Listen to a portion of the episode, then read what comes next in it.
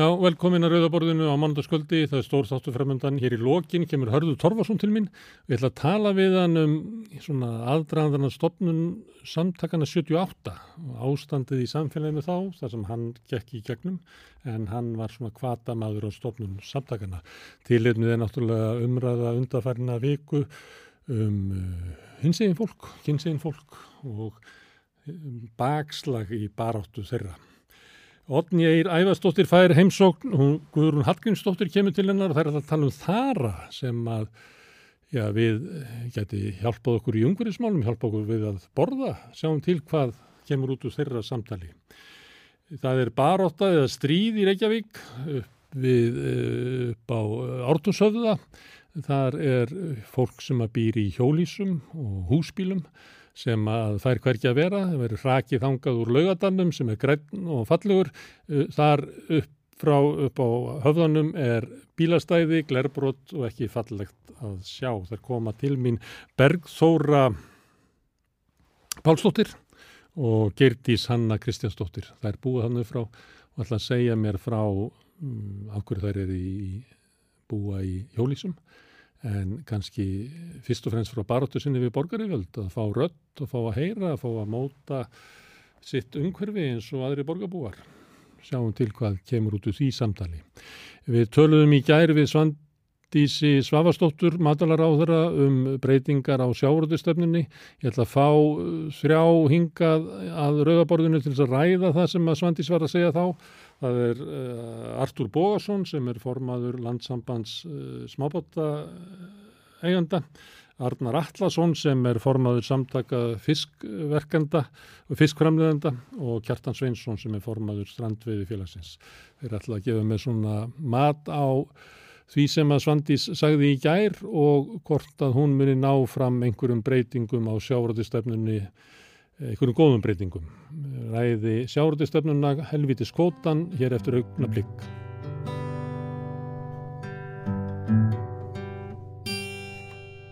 Við ætlum að ræða sjáurðismálinn, kótan. Tilefnið er náttúrulega að það er búið að bóða það að það er að leggja fram frumvörp í vetur sem að munu svona marka kannski ekki nýja stefnur, einhverja breytingar í stefnu í sjáratusmálum. Hún kom hingað hér í gær til uh, mín og Sigurðóns Magnús Eilssonar, bróðu míns í Sónum Eils, Svandi Svarstóttir, þar sem við fórum svona yfir þetta mál og ég fengi hingað að rauðaborðinu uh, Artur Bóðarsson sem er formaður landsambands smábótæganda og Arnar Allarsson sem er formaður samtaka fiskframleðenda og svo er hér á Zoom líka Kjartan Sveinsson sem er formaður eh, strandveiðmanna. Verið velkomnir. Takk. Hérna má ég ekki bara byrja á að spyrja svona hvort að þið hafið séð ykkur og svona línu út úr þessu samtali okkar við Svandísi. Var þetta ráða í það svona hvaða breytingar hún myndi vilja ná í gegn og hvað hún taldi sig geta náði í gegn í þessa ríkistjórn. Má ég byrja þér að Arnar? Já, eh, það er svona var kannski svipað í þessu samtali eða viðtalekkar í gæri eins og, eins og maður hefur verið að upplifa uh, í tíma þessar ríkistjórnar að fyrirreitin eru góð og, og, og í takt við til dæmis stefnu vinstri græna sem er bísna gott plagg en eftirfylgnin er svo allt önnur. Og ég, ég fæ endalust þessa tilfinningu og því miður þótt að sé margt sem er talað um að þá finnst manni nánast eins og við eh, stopnum þessar ríkistjórnar hafi verið samið um hérna skiptingur ráðanýta samið um það að Svandís fengi þetta ráðanýti en nánast eins og fengi ekkert að gera eh, samið um það að setja á fót þessa nefnd sem að hluta til við munum ræða hér í dag mm. og að samþygt að tefja tíman nú veitum við það að við förum inn í e, þing núna, vetraþing og e, hún hefur bóðað frumvarp sem er mjög ólíklegt að gangi fram. Mm. ég held að hafi mjög skýrt ef maður var að hlusta vel mátt lesa það í orðinar í gær. Þá er eftir eitt ár eða eitt þing af, af hérna, tíma þessara ríkistjórnar þannig manni finnst svona einbóðið að þótt að ég ætla ekki að gera lítur vilja eða, eða, eða hérna, áhuga sondisar til breytinga að þá finnst manni svona einbóðið að þetta sé svolítið svona skraut í fallum um bakka. Mm, það sé ekki aðstöður eða til að ná fram einhverju breytingum sem að... Ég held að það blasi við. Artur, þú nú frægur fyrir björnsinniðna, er þú björnsinni? Uh, býtu, þetta eru goðar breytir. Ég hérna verða að viðkjöna það. Þú hefur komið hingað og, og sagst vera björnsinn um breytingar. Já, ég er náttúrulega verða að hanga á því að, mm. að, að, að sko trúa á eitthvað gott í þessu. Já. En uh, sko farandi yfir hennar feril sem að hefur verið í gangi eftir að Svandi skip hafi þennar þessa risa, þetta risa batteri sem að gengur undir nafninu eða gekk undir nafninu öðlundin okkar mm.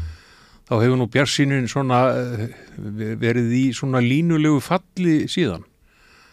Hún skipar hennan hóp í hvað mæ 2022 Uh, fjóra starfsópa og, og samráðsnemnd með 27 mm. mönnum í uh, maður mætti alveg gladbyttur á fyrsta fund og strax eftir fyrsta fund þá dætt mér eiginlega í huga að veri bara langsniðast að segja sér frá þessu ég, ég misti svona stærstan luta og trúni á því að það myndi eitthvað ná fram að ganga uh, fyrir okkar menn og það hefur nú, þetta hefur nú eiginlega alveg haldist þessi, þessi vantrúmin mm. og ekki batnaða hvernig þessari vinnu var lokið að uh, á síðasta fundi nefndarinnar, samráðsnefndarinnar sem ég held að hafi verið í mæ núna síðusliðin eða skiptir ekki öllum áli að þá var það alveg ljóst að sko starfsópotnir átt að skila sínum skýslum og síðan átti samráðsnefndin að fara yfir það og hafa yfir sín yfir það og svo framvegis og framvegis. En í stað þess að það var gert þá var bara trommað upp með svona Hollywood kynningu hérna í, á Hilton hotellinu mm. þar sem að var bara einfallega tilkynnt að þessum kabla væri lokið og ráþarann sagði það bara alveg skýrum orðum í sínum, sínu loka erindi á þessari kynningu að nú er sagt, nýr tími tekkin við þar sem að löggjafin fari að semja frumvörp og, og uh, uh, það var eitthvað nýjirði sem að ég sá þarna. Hvað var það? Áætlunar skjöl það er alveg, alveg flunkun í dorði í mínum huga allavega. Mm. og svo framvegis. Svo gerist nú það undarlega uh, kannski í kjölfar þess að við hérna þrýr sem erum hérna á samt þér mm. Uh, við ákváðum að fyrra okkur allir í ábyrð af þessu skjali, þessu, þessari 500 blaðsina skýslu sem var allt í unnu komin aðna úr prenti að við ákváðum að segja okkur frá þessu. Viljum ekki að nöfn okkar samtaka séu með nokkur um hætti bendlu við þetta. Mm.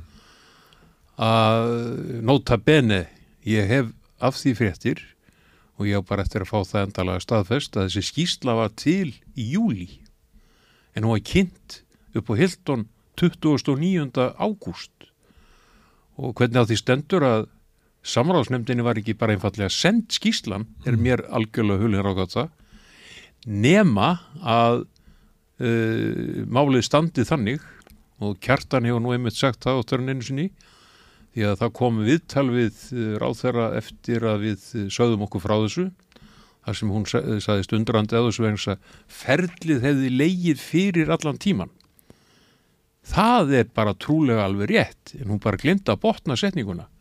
Ferlið og niðurstöðunar lágu fyrir frá upphafi. Og það er það sem ég held að sé bara kjarni máls. Uh, en svo, svo gerist þetta undarlega. Mm að í, byrjunum hvað er, átjándi í dag að fyrir þrem dögum þá byrt, byrtist allt í hennu hjá okkur hérna tölupostur frá Svandísi þar sem hún er að bóða okkur á fundi samráðsnefndinni og ég verð bara við Var það í dag? E, nei, hann á að vera 20. Nei, var það fyrstu bóði í dag? Nei, ég fekk það 15. Mm. Er ekki 17. 18. Jú, 18. Já, er þetta í dag síðan og ég, hérna, ég þurftu nú eiginlega bara að íta mér í kjálkaliði nattur því að e, þetta er, þetta er mjög undarlega tímaröð mm. að slíta samstarfun og bóða svo áframhaldandi vinnu en uh, hvað um það? Ég spurði þetta um hérna, brottkvarf ykkar þryggja í gær og hún sagði eitthvað að það verið ég, það starfið að búið er, fullt þá er hún bara staðfest að það er fullt seint að hætta þegar allir eru búin að pakka saman og fattin heim. Já, já, en það var ekki mandatið sem að var lagt upp með í þessari samráðsnefnd. Það átti að kalla hana saman á okkur tíumpunkti og svo framvegis og framvegis sem hún virðist vera að gera núna. Hins vegar sko, þú veist að eitthvað að tala um Bjarsíni og mig að ég herði, ég því miður hef ekki haft tíma til að horfa á allan þáttinn með henni sem hann var í hérna í gær en hún let út sér og mér er ekki bara frábært að heyra það að það komi vel til greina að auka uh, veiði heimildir strandveiðbáta bara gott og vel. Uh, það verður þó að segjast sko það vekum hann líka smá bjassinni að þessi skýsla sem er komin hún hefur ekki endurspeglast endilega í þessum frumvörpum sem hún hefur nú þegar bóðað og uh, það vekum mér þá, þá bjassinni að hún ætli að koma með frumvörp til að auka strandveðanar mm. og bara Guði láti gott að vita. Já, hún sé ekki búin að það sem hefur verið lagt fram og lagt inn í samráðskáttina að það sé ekki uh, allar þær breytingar sem hún Nei, ég, sko, Þannig eru þær litlar Ég það ekki? meiri segja velta fyrir mér áðan þegar ég var að kerja hérna upp til kannski er það bara blessun fyrir hana að vera laus við þessa svo kvölduðu sérfræðinga sem er ekki neitt annað heldur en kardinálar kvotakerfisins sem sáttu þarna í eins og fyriröndi fórstjóri Granda og alls konar uh, menn frá háskólanum sem hafa ekki gert neitt annað en að semja lofgjörðir og bænir um kvotakerfið kannski er það bara fínt fyrir hann að vera laus við þetta lið og þessu hópa. Og þá getur hún farið að vinna eftir því sem að hún hefur upp í erminni. Hún er með samþýtt landsfundar fyrir stækkun uh, þessa svo kallega félagslega pott sem er uppnefni. Hún er með uh, þing, þingsáleiktuna til þingflokks vinstri græna um að auka félagslega pottin úr 5,3 í 8,3 og svo fekk hún uh, skoðanakönnun út úr auðlundinu okkar þar sem 72% þjóðarinnar styðja aukningu í stranduðum. Kannski ætlar hún bara að hoppa á það, þetta er bara- Hlusta þjóðina, Já. búa til Já. hérna, breytingar á kerfinu í sáttu þjóðina, Já. ekki ekki, ekki þess að gaura sem sáttu þarna við borðið. Kjartan, hvað segir þú? Eh, Hérna, býst þú við að, að það verði breytingar á, á hérna, kerfinu og jákvæðar sem að Svandís mun á í gegn? Eh, já, ég segi það sama og, og Artur, það, það er náttúrulega, sko, tungan á henni er náttúrulega silfur slegin, hennar Svandísar og, og hún, hún kann nú alveg að, að, að, hérna, að kjarta sig út úr hlutunum, sko. Og jú, jú, ég var bara mjög ánaður að heyra það, að kæmi til álita, sagði hún, að auka, auka strandveið pottin og náttúrulega góðu fréttinar í þessu ferli er að, er að sko, þeir sem að fóru með mál strandveið, strandveðana og, og félagslega pottsins að þá, þá klæjaði í puttana að slá af borðinu og það var einn tillagan í hálfleik þar sem að, þar sem að, uh, þar sem að því, því var hérna já, það var, það, það var bara tillaga í hálfleik að, að, hérna, að, slauka öllu félagslega kerfinu og það er náttúrulega bara áttu sigur hjá okkur náttúrulega okkur, okkur þremur og, og, og öllum þeim trillu konum og, og körlum sem að sem að mættin er á Östöfell og eru búin að vera að, að, að, djöflast í þessu í, í, í allan vetur að þau þorðu ekki að hrópla við strandveðikerfinu og það hlýtur að vera svona ákveðin sigur fyrir okkur. Uh, svo, er, svo er það aðri hluti sem að hérna, sem að ég minna bjarsið yfir og, og, og kannski meðal annars ég, ég var svona uh, svolítið Já, það er svolítið vonbreyðum með það að hún ætlar að fara hérna svo kvölduð innviðarleið, sem sagt, hérna, þessir, þessir hlutar eh, af félagslega kerfinu, 5,3% kerfinu sem, að, sem á að leggja niður og, og bjóða upp. Uh, það var lagað til tvær, tvær leiðir og hún sagði í gæri í viðtalni að hún ætlar að fara hérna svo kvölduð innviðarleið og ég er mjög smeykur við það vegna þess að, en við verðum náttúrulega bara að fá að sjá útfæslu á því en uh, hugmyndin þar er náttúrulega bara að taka, taka þessar heilundir í burtu frá byggðalögunum og, og, og gefa þeim pening í staði. Það, það er hugmyndin. Að, hérna, að, að, að það sé ekkert hérna, bundnar við eitthvað byggðir lengur. Þú myndir frekar vilja hvað? Þú myndir frekar vilja hvað? Eh, ég verða bara að fá að sjá útfæslu vegna þess að mér, mér finnst sko, eh, sko hinleiðin var, var náttúrulega byggða, að, að þessar, þessar hérna, að þessar heimildir yrðu þá settar í brótættar byggðir en ég menna sko vandamálið er náttúrulega að, að, að byggðakótin hefur náttúrulega verið mjög ég menna það er eitt, eitt, eitt spillingar bæli þannig að ég bara veit ekki og ég, ég tristi byggðastofnun ekki sérstaklega vel til þess að útdeila þess að heldur sko. En kannski ef að við náum einhvern veginn að, að, hérna, að, að lauma þeirri hugmynd að til þess að fá þessar heimildir að þá þarfstu að sína fram á það að þú sést eh, að stunda vistvælar fiskveðar. Þetta væri bara eirnamerk fyrir, fyrir vistvælar fiskveðar þá, þá gæti þetta komið, komið vel, vel út fyrir okkur. En ég hef mjög mikla ráð að því að þessa tilugur frá, frá hérna, auðlendin okkar að hugmyndin sé að, að, að kroppa úr félagslega kerfinu og smigla félagslega kerfinu inn í kvotakerfið í gegnum baktirnar. Það er, það er það sem ég hef ágjörðað. Mm. Herðu Arnar, það er hérna ástæðan fyrir því að þessi vinna er í gangi. Þetta er hérna, sjálfstæðsflokkur segir að það sé ekkit samkominlega með að breyta neinu í kvotakjörinu en líklega er þetta hluti af ykkur langri sögu að, að stjórnvöldu Íslandi eru skuldbundin að því að endur skoða fiskviðstjórnarkerfið og kvotakjörið. Já, það er náttúrulega mjög gott að reyga það upp og í raun og veru væri líka kannski efni sér þátt að búa til svona nefndasögu því að mm. þetta er náttúrulega bara nefnda. Ég held að það myndi slá í gegn sá þáttur, þáttur nefndasaga. Ég veist að er þið einhver skali sem er þið óþektur til framtíðar en, en það er alveg rétt að, að hérna, mannréttinda nefnd saminuðu þjóðana mm. gáð álit vegna fiskviðstjórnarkerfis Íslendinga árið 2007 og ef ég mann rétt þá svaraði Einar K. Guðfinnsson því áliti á þann máta að ekki eru greitar skadabætur en farið yrði í stórgóðslegar úrbætur á kerfinu í náinni framtíð. Þetta er í júni 2008 sem Einar skrifar þetta bref og ég beðist fólótt ef, ef mér misminnir hver reytaði brefið. Mm. En þá verða, verða Íslandsstjórnvöld verða svara kröfu frá samlið þjóðanum um að þeir eru búin að loka kerfinu og, og hindra það að fólk geti komist inn í það. Akkurat. Og, þeir lofa því að breyta kerfinu svo til þess að svara þessu kröfum.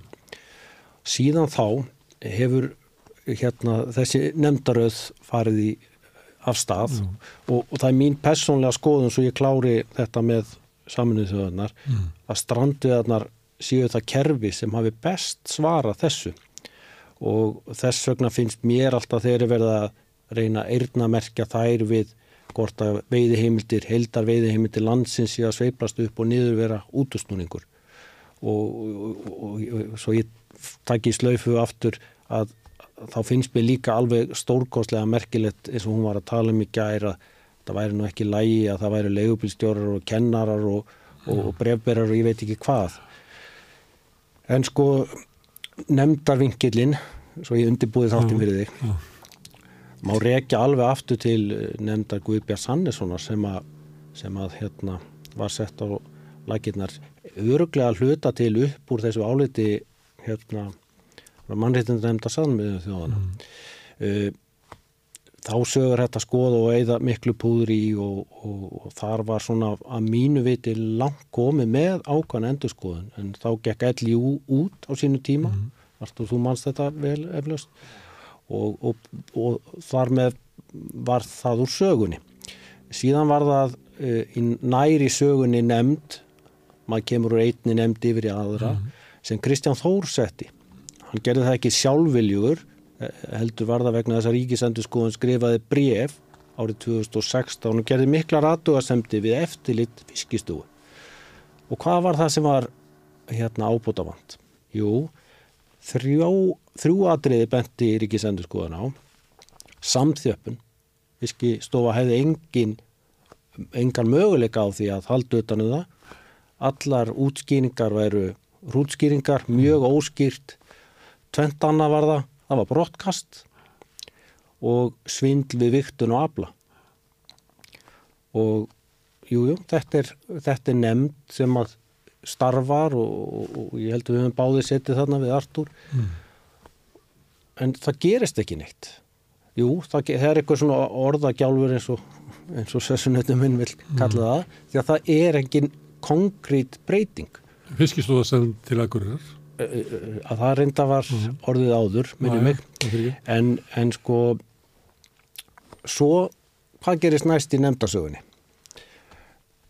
við mætum og það er nánast á fyrsta fundi eins og Artur var að vísa til. Jú, það fer, fer, fer af stað starf inn í hópunum, okkur er bóðið öllum sem erum í samráðsnefndinni að óskefti viðtals í hverjum og einum hóp. Og ég eiti miklu púður í þetta en ég sé ekki, ekki eitt staf í allri skýslugerðinni um það sem ég legg til. Og, og, og hérna þykja það miður. Mm.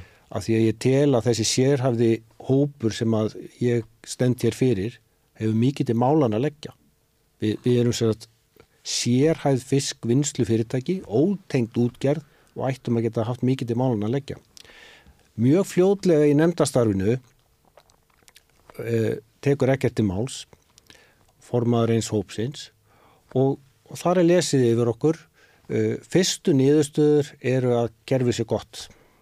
Mm. Aðalatrið í starfinu breyta yngu og þá hugsa maður, veit ég var klára starfi annari nefnd bara ykkurum mánuðum áður það sem var bent á stórkostlega brotalamir. Mm. stórkostlega brotalamir sem þyrti virkilega að taka í gegn. Svo mæti maður þá er, þú veist, þetta, þetta minnir mig bara næstu því á sólskinsflokkin munið eftir honum Rómavík, já.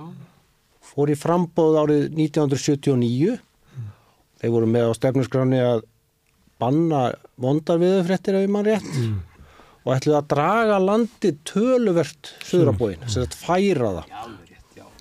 frábæra tillögur.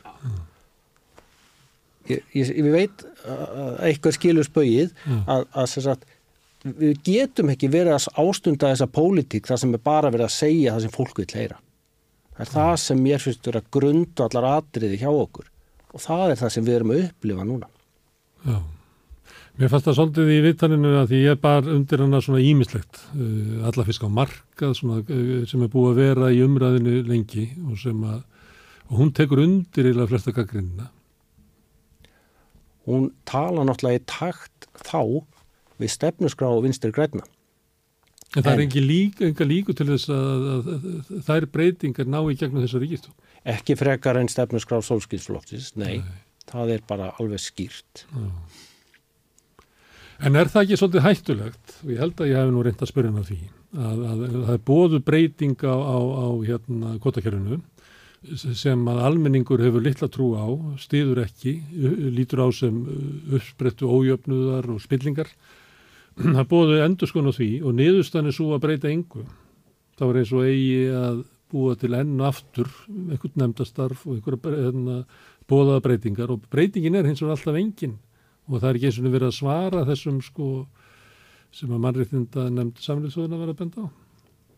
Er það Nei, ekki hætt, hérna- hættulegt? Er þetta ekki hættulegt að, að, að, að, að bóða sátt um eitthvað sem er enga líkur á því almenningur sætti sig við. Það er eins og þessi verið að þreita almenning Já, á málunu.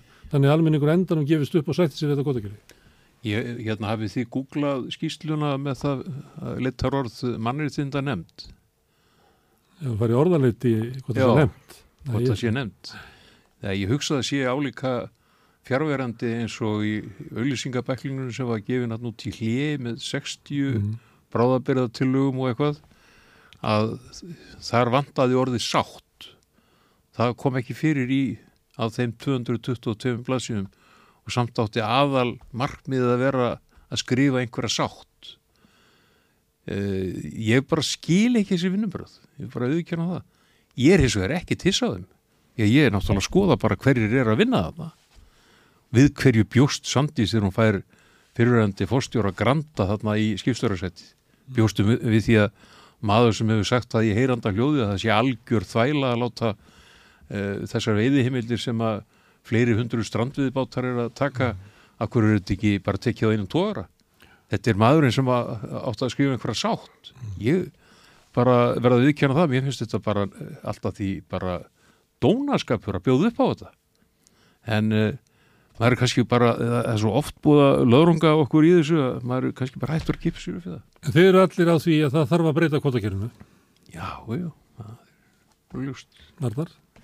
Ég, sko, ég hérna ætla bara að fá að tala og segja mig hér minnar persónulegu skoðanir þó svo ég viti að, að hérna að stærsti hluta því sem ég segi hér er í takt við það sem félagsmenn minni segja mér hefur fundist mjög lengi að það væri að gera litlar breytingar sem væri til gríðarleira bóta og, og hérna ég get nefnt strax eitt sem væri aðskilnaður veið og vinslu mm. mér finnst sem er eiginlega sama á allir kvota marka, svona cirka, það er svona útfæslu aðeins, það hefur verið til þess að nálgast sama hlutin. Já, Já. E, við í íslenska fiskauðistjórnunarkerfinu erum nánast búin að leifa og viðukenna það sem kallast transfer pricing á alþjóðlegu skattamáli og ég skil ekki að stjórnvöld geti gert það. Já. Þess vegna segi ég stuttumáli aðskilnað veið og vinslu með hvaða útvæslu það væri gert, það er annað atriði, það myndi skila gríðalegum viðbóta tekjum í kassan, í ríkiskassan mm. og ég held að það ætti að verða svona fyrsta atrið í staðin fyrir að vera með þetta orðagjálfur eða þessum tíma og vera að búa til þennan nefndar framhaldstátt sem við erum með á dagskráni þetta held ég að vera eitt gríðarlega gott og stórt atriði sem innleggi í þessu umræðu en þetta verður oft borðið á borð og þá byrtast þessi sterku upp sem vilja þetta alls ekki mm. það er kristallstært mm. Kjartan, þú vilt sjá breytingar á kvotakjörnunu? Já, ég, ég, ég vil það en, en sko ég, ég er ekkert ég er ekkert á því að, að, að, að sópa öllu út og byrja alveg upp á nýtt sko, ég held að það, það, það er ekki það er ekki minn málflutningur og það er ekki verið málflutningur strandviði félagsins. Eh, það, sko, við verðum að, halda því til haga að, hafa líka verið jákvæðar, jákvæðar eh, breytingar og jákvæðar, jákvæðar þróun í, í íslenskum sjávarútvi undan farin 40 ár. Ég held að sko stóri skúrkurn í þessu og eitthvað sem að þurfti, kannski að skoða er náttúrulega framseljanleikin. Þa, það, er, það er það sem að hefur náttúrulega valdið alveg gríðalögum eh, vandamálum og að, að ákveðin aðeila geta bara litið á þessa, þessa auðlind sem, sem bara sína eigin uh, sem, sem, bara sem þeirra eigin sko. en ég, ég held að sko það búið að vera svolítið mikil einstrengings uh, einstrengingslegs hugsun innan, innan stjórnsíslunar hvað þetta varðar. Og ég er ekkit endilega að segja sko að, að, hérna, að, að kótakerfi sé rámt en, en, en hugmyndafræðina bakvið kótakerfi hefur náttúrulega rækið allar aðra nálganir burt. Þannig að kerfið er orðið of einsleik, það eru of fáir út, útgerðar flokkar sem að rúmast innan þess. Og, og, og þetta er vegna þess að sko einhæfni hugmyndafræði og í hugsunahætti hefur leikt af sig svona kerfislega og kerfislæga einsleikni og, og, og það er aftur uh, leitt til þess að það er þrengt verulega að útgerðarflokkum sem að rúmast mjög illa innan þess kerfis sem hvetur til samfjörðunar. Þannig að það sem ég er að segja er að við verðum að, að, að gera ráð fyrir miklu meiri fjölbreytileika innan kerfisins og kvótakerfið í, í, í núverandi mynd leifir það ekki. En við erum að veiða allskynns mismöndir tegundir af fiskum og við erum að gera það undir allskynns mismyndir hérna eh, vistfræðilegum, vistfræðilegar aðstæður. Og við erum að nota óleik veiðafæri og óleika, óleik stærða skipum. En, en kvótakerfi eins og það er núna, það leiðir í rauninni bara eina tegum og, og, og það verður að reyna að bóla okkur út alveg, alveg hist og hér og, og reyndar er, er, er hitt sem, að, sem að ég vil nefna í þessu, þessu samhengi að það fyrir alveg ríkalegi töðunar um mér og, og það, það sko, skein í gegnum skýsluna að einhvern veginn að, að, að, að smábátaveiðar séu óhagfannar og að þeir leiði sér að segja þetta aftur og aftur, trekk í trekk í gegnum skýsluna án þess að sína eina, ein, ein, einustu sönnunum máli sínu til, til stöðnings og ég, sko, þeim er tíðrætt um þetta kvotasinnum að, að, hérna, að kvotakerfi hefur leiktað af sér hægræði og, og, og, og allt það sína aldrei útreikningana sem að, sem að þetta byggir á. Og ég, ég, ég ætla sko, nú, nú er þessi skýsla komin í, í samráðskátt og ég ætla að krefjast þess að, að, að allar það ránkvæslu sem, sem að koma fram um smábáta og strandveðar að þar veri fjarlæðar úr skýslunni nema að þau geti sínt fram á gögn sem að styðja þessar fulleringar. Mm -hmm. Artur, breytingar á kvotakerfinu Þannig er þú að tala við bjarsínan mann sko. Já, já Það er sko áfrið á píl Aðskilna veið á vinslu, henni stórir og stórir Já sko, það er tvent sem að gerir uh, kvotakerfið uh, hérna að mínu viti óhæft mm. Það er annars vegar, það er framsæluleikin milli stóra og smarra. Það hefði verið leikur einn á ákveðin tífampunkti að uh, búta þetta eitthvað niður og það er þessi furðulega staða á Íslandi að menn mega eiga alla virðiskeðina. Mm. Það, ég held að sé, það er í Nóri sem þetta er bannað, það er í Damörgu, uh, hvernig er Svíþjóð? Ég hef nú ekki, bara ekki spurt að því eins og því. En uh, það, bara segir sjálft að þetta á ekkert að vera svona. Og eh, eins og Arnar var að segja sko, hvernig þetta er gert, það bara er teknilegt útfæslu aðtriði og þá það náttúrulega að passa upp á það að, að þeir séu gengstæðar á bakvið uh, glukatjöldin sömu gaurarnir og eru mm. í herberginu sko. En uh, Svandis, hún tekur undir eiginlega alla þessa gaggrinni en, en hún svarar því ekki í tilnúið sinu Já, hún, er, hún er ekki að fara að skilja veið og vinslu eða gera eitthvað í þessu varandi virðiskeiðinu mögulega með stærð hinnar stóru? hún myndi ekki komað í gegnum núvarandi stjórnur eða ríkistjórnar samstæð og það er ekki nokkur einasti möguleiki. Svaraði hún þess ekki einmitt ágætlega í nýðulæginu þegar hún sagði að helsti kostur þessara ríkistjórnar væri úttalt mm. mér fannst það hljóma svona eins og helsti kostur þessar ríkistjórnar er að við erum sammálum að gera ekki neitt. Já, já. Fannst, og þóla það. Og þóla já. það.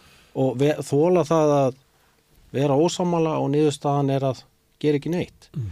mér finnst eitt viðbútara því að það er verið að tala um alltaf að kerfi sér best. Og Svandis nefndi í viðdalinni á okkur gær að við vissum ekki þú varst að tala um svörtuskýstuna þú varst að spyrja hennu um það og, þá segir hún já við vitum ekki hvað hefði gerst hefðu við ekki bröðist við svörtuskíslunni. En það er má líka alveg segja í dag að við vitum ekki hvað væri upp á teiningnum ef við höfum strax í öndverðu ákveða að skilja millir veið og vinslu. Mín skoðun er að tekjur ríkisjós væru taldar í miljardum meiri heldur en það er í dag. Og síðan má líka velta fyrir sér því að ef að kerfið okkar er svona frábært Akkur er það þá þannig að þessi stóru virðiskeður eru ekki með markastýringu á, á rekstri sínum, heldur er þetta ennþá á formi framleyslustýringar mm. og, og svo ég tala nú ekki bara ykkur uh, aðstæðlegu máli að sko framleyslustýring var þegar að Henry hérna, Ford var að framleiða hérna, Model T. Og þá sagðan uh, any color as long as it's black. Þú kannst valið alla liti á bílinn svo lengi sem það var svart. Og það er svolítið það sem við erum að gera uh, Þannig sé okkar framleyslu fiski. Já, það vantar alla blokkin, Já og líka já. bara það hendar vel að loka vinslunum á sumrin. Og þá er bara lokað þótt að þá sé helsta kannski markast tímabil uh, mm. fesksfisk og annars líks þess vegna hef ég talað mjög fallið um strandur og hef mikla væntingar um að þær verði auknar vegna þess að þær fylla svo fullkomlega í ágöði gat það sem er vöndun á gæðafisk mm. og þetta er aldrei talað um einhvern veginn sem galla á kerfinu heldur engungu talað um góða framtrúin og kjartan ég teku undir með þér það er svo gríðarlega margt gott í kerfinu og það er mjög... En er það allt kerfinu að þakka? Kóta sinnar, þeir nefna alls konar og stundum er þess að vera að nefna sko betri skrúur á bátunum og alls konar tæknithróun sem kemur svo kóta ekki bara ekki neitt við sko. Nei, og það er að velvæðing fiskvinnslunar, þetta kemur kóta ekki ekki við.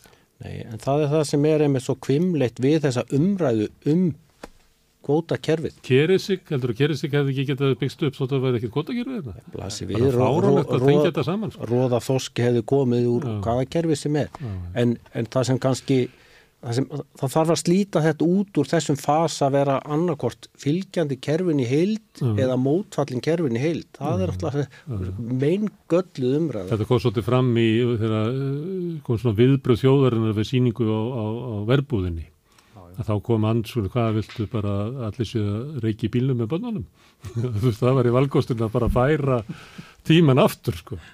Herðu, en að því að nú er ég að nota ykkur sem pólitíska hérna greinendur með Vafki að því að við töluðum í setjum þetta villati svolítið um, um Vafki í ríkistofninu og ég spurði hana hérna, hvaða árangrið Vafki náði í þessar ríkistofn og hún telur upp alls konar hluti. Og flestir voru þeir sem að kosti ekki fjármálandi neitt og kostar auðvölega sko ríkustu fjármagseigundunar og eigundu stærstu fyrirtækinni neitt. Það var þungunarof, kynrætt sjálfræði, önnur svona mannréttindamál sem er ekkit að leggja neina krónu á og það er er ekkit að tapa á þessu eða neitt. Síðan þegar ég er að tala við hana um hérna sjáurðistöfnuna og breytingarnar, þá einmitt talar hún um ymsa þætti eins og frekar í rannsóknir og súrnum sjávar, ímis og svona umhverfiskröfur sem eru gerðar á, á, á, á greinarnar sem að kannski raska ekkert svona efnaslegir og svona grundvallar vélinni sem að keirir áfram. Nefnir hún að rannsaka umhverfis áhrif við að fara? Já, nei, nei, það nefndi það ekki. Nei. Og kannski stærsta umhverfismálið að öllum saman í fiskviðunum. Nei, En er ekki líka ákveðin hætt á því að það verður kynntar ykkur breytingar og þær eru allar breytingar sem að kannski voru, er ekki til að svara þeirri gaggrinni sem hefur verið á efnastelt óréttlæti eða spillingunni í kerfinu heldur ykkur bara allt annað og þar fari þar í gegn ykkur breytingar á sjálfdæstöfninu sem eru kannski utan og handan við það sem að gaggrinni beinist að, til dæmis ykkur. Ég er ekki bara þetta alveg eins líklegt eins og hvað annað. Mm. Ég óttast það. Ég- En ég er sammála Arnari með það að ég er nú ekki farin að sjá að það verði hlaupið gegnum þingið með eitthvað risa frumvarp uh, sem gjör breytir uh, fjölda hluta í fiskveiðstjórnarkerfinu. Það held ég að sé ekki að fara að gerast. Það þarf ein- einhverja nýja samsetningu í pólitíkinu til þess. Já. Þetta endi sem þáttur í, í langri seríu Arnars um, hérna, nefndarmálin, Já, nefndarseríun í stóru. fylgist með. Ha. Hvað segir þú Kjartan? Þú ert uh, skilgrið þessu bjartíðin maður í hópnum? Heldur að náir fram með í réttlæti? Þið getið náð kannski fram, eða, eða okkar þá kemur mér spurningu. Eh, Ef það er fyrirstaða hjá sjálfstæðarfloknum og líklega framsók líka gegn eh, breytingum á kerfinu sem eru jákvæðar að ykkar mati, er þá ekki óleiklegt að, að það sleppi gegn sko að, að, að, strandviðikerfi verði stækkað? Jú, ég, ég veit það ekki alveg vegna þess að sko nú er náttúrulega búið að vera það búið að vera núna tvö sumur í röð það sem að, að eru stöðvar í, í júli og ég held að það sé bara sko pólitíst ómögulegt að leifa því að gera stryðja árið í röð. Og ég held að það þjóti allir allir flokkarnir að sjá það að ef að stöð, veiðarnar vera stöðvar þriðja skipti í júli að þá fer allt í bálofran. Ég, ég, ég, hef, ég hef ekki trú á öðru. En hvaða skref, og, og ég held að Svandi sjálf sé, sé og, og hefur sagt það og sagði það náttúrulega á, á, hérna, á kynningafylgum 29. ágúst að hún, eða gaf það mjög, mjög skýrt til kynna að hún, hún var, var, var bara skýtrætt við það að, að, að, að það geti komið fyrir aftur sko, og alltaf reyna að koma í veg fyrir það. En hvaða leið hún ætlar að fara í því, veit ég ekki.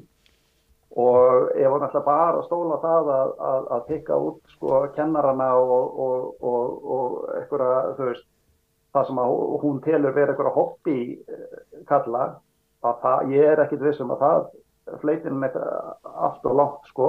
Það var náttúrulega mjög, mjög jákvæmt ef, ef hún tekur út þá sem að, sem að er að gera út fleiri neitt bát og er að leia frá sér bátanum. Það, það var náttúrulega bara frábært.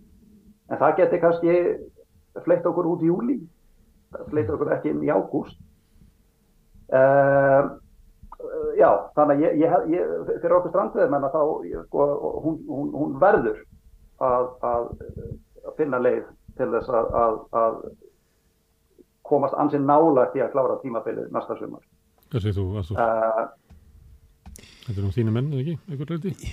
Jú, jú, mm. drottum við dýri, við eiginlega tölum ekki um neitt annað heldur en stranduðar og, og hérna það gerir nú reyndara verkum og þá gleymum við stundum að það eru uh, annars konar smábáta útgerðir, mm. bæði í aflamarki og krókaflamarki og eitt af því sem er alveg grábölvað í þessum hugmyndum sem eru konar fram er að slá af línu í vilun Þetta hefur verið forsenda fyrir uh, þó nokkuð mörgum litlum útgerðum.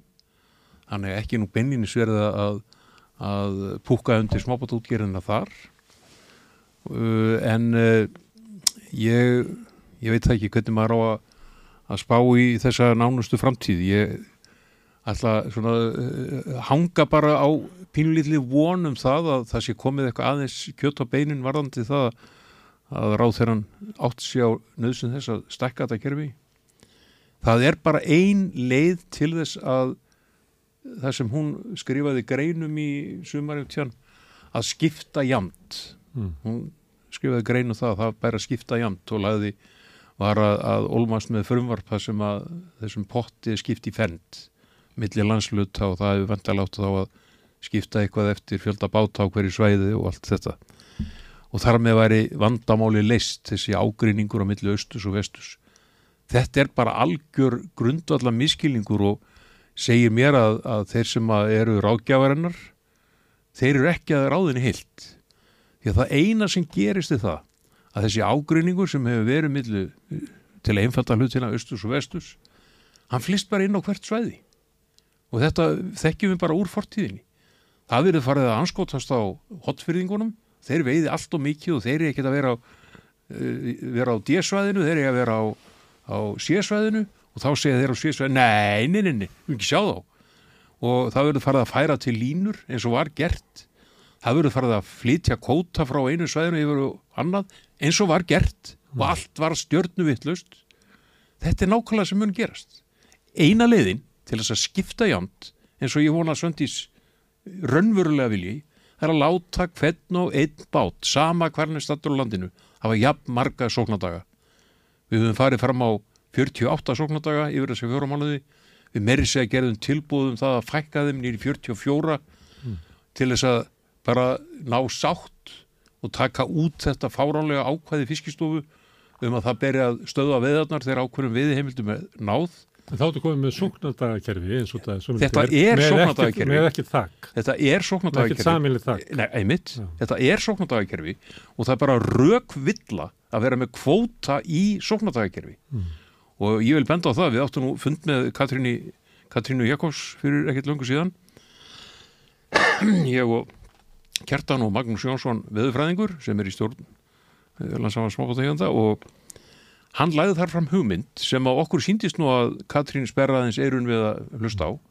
En þar leggur hann til og hann er vísindamaður, hann er náttúruvísindamaður og hann er stærfræðingur þar leggur hann til að verði gerð, gert tilraunaverkefni þar sem að 3-5 ár verða sett undir það að menn fái sína 48 daga hvar sem þeir eru á landinu og þessi kvóti verði óskup einfallega tekin til hliðar. Hann verði ekki að stranduði verði ekki inn í aflamaskerfinu en í dag er það hluti af aflamaskerfinu síðan eftir þrjú til fimm ár eins og hann nefnir þá verði einfallega skoðað í fyrsta lagi er þorstofnin að hrinja vegna þess að trillukallar fengu að, að, að róa? Og tvö eru bátarnir orði, orðnir 5.000 eins og ég hef heyrt uh, nefnt í því sambandi ef þetta verður gefið of frjálst? Það er sama talið og var upp í 2009 þegar þetta kerfi var sett í gang. Þá fór ágættur maður í pontu alþingis og spáði því að það, á örskömmum tíma þá er þetta orðnið 2000 bátar og svo bara eitthvað áfram. Þetta er náttúrulega bara eh, bull þeir hafa mest orðið í kringu 750 árið 2012 og svo núna á þessu söfri 750 það er nú öll ógnin sem á Íslandsmiðum og þjóðinni stendur af þessum köllum. Bara come on, hætti að láta svona. S- eh, slakið þessu út og það mun gerast að verður meiri sátt um þessa hluti. Það kemur svo vel fram í þessari dæmis að þess, þetta stóra hlutfall þjóðurinnar það sér það sem ákveðna sáttagjörð að þarna er búin til gluggi fyrir hvert sem er ef mann vill spreita sig í fiskveðum það er svo sannarlega ekki öllum gefið að þá er þarna möguleikin Það væri. Og þá kemur meiri fiskur á marka og þú værið þóttu þetta. Ekki nokkuð spurning. Ég, ég held að þetta, þessi nálgun sé kerfinu í heild algjörlega meinalösu. Uh, uh, fiskverð er búið að vera dildulega hátt þa þar alveg andi fjölgarðim þannig að þetta regulera sig sjálft og ég held uh, að sko alveg öllu að meinalösu sem að kerfinu snýr þótt að þessi stranduði pottur færi í 20.000 tonn eða eitthvað slíkt það myndi ekki breyta neinu. Það kemur þá fram eins og Artur segir kerfið myndir hinja sem að mun ekki gerast. Mm. Þetta gæti líka verið vegna eðlis veiðana ákveðin leið til að fylgjast með því hversu auðvelt er að ná í skamtin. Skiljið, það geti verið eins og mæli hvarði á hversu vel stofnin er stattur mm. af því að þetta er bara barometer. Mm. Þannig að það eru margir vikar. Já, bara lífandi tóra. Tóralega stindu upp þess að það er engin veiðmaður.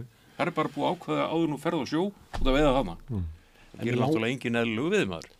En mér langar að vera aðeins uppbyggilegur því að við dettum alltaf í hinn hin fasa. Harðum ekki verið ofið ákvæður. Jú, jú, það það er það sem við þurfum að reyna. Uh, við vorum að tala um ívilnun hérna á hann. Mm. Artur nefndi ívilnun.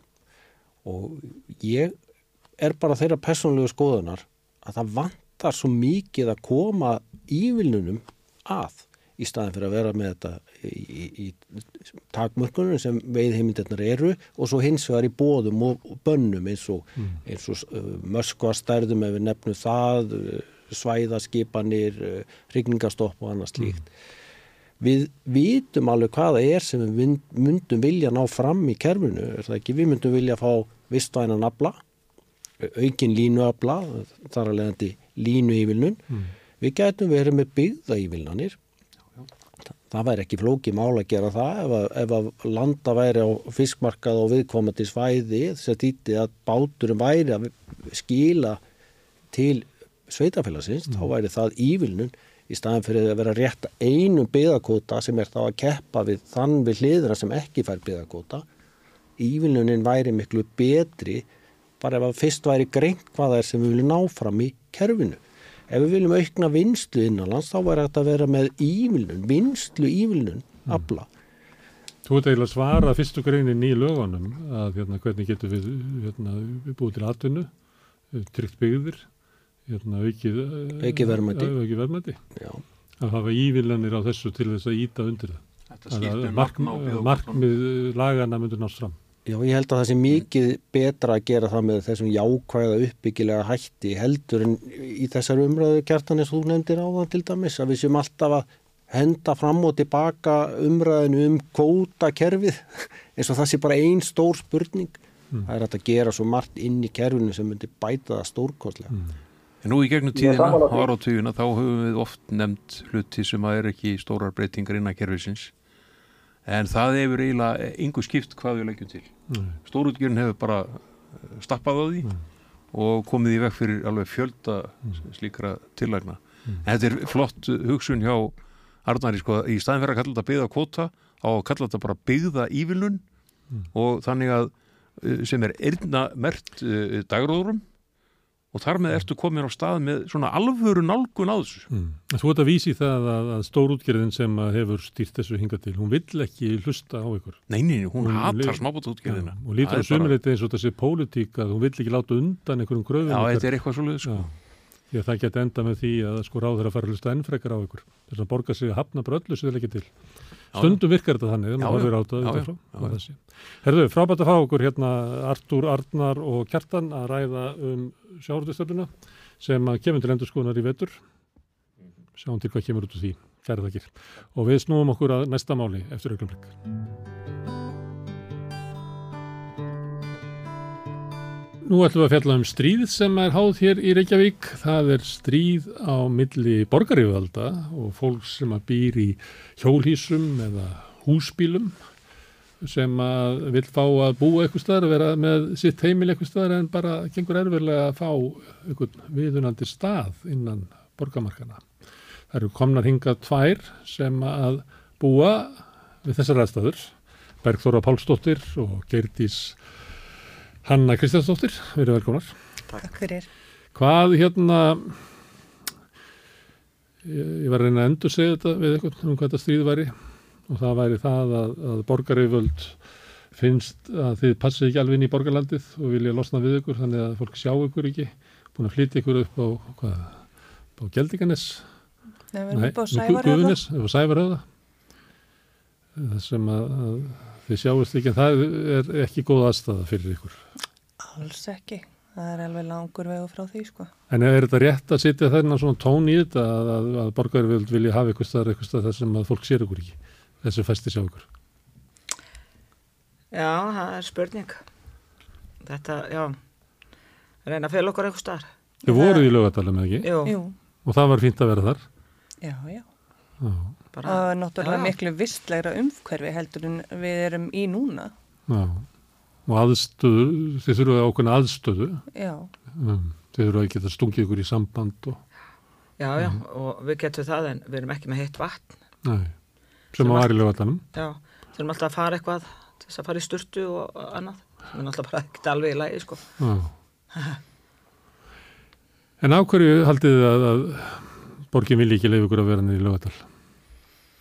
Já þeir eru náttúrulega með samning við farfugla sem að eru með rekstrarleguna á hérna svæðinu þar niður frá Mm. og ég held að þetta stoppi svolítið á þeim. Á farfuglum? Já, að þau vilji bara ekkit fá okkur vegna þess að það var svo erfitt fyrir þau að losna við okkur. Af því að borgin En náttúrulega á hverju ættu þið vilja losna við það, við vonum fyrir túristónum. Mm. Það En er var ekki góð business af ykkur?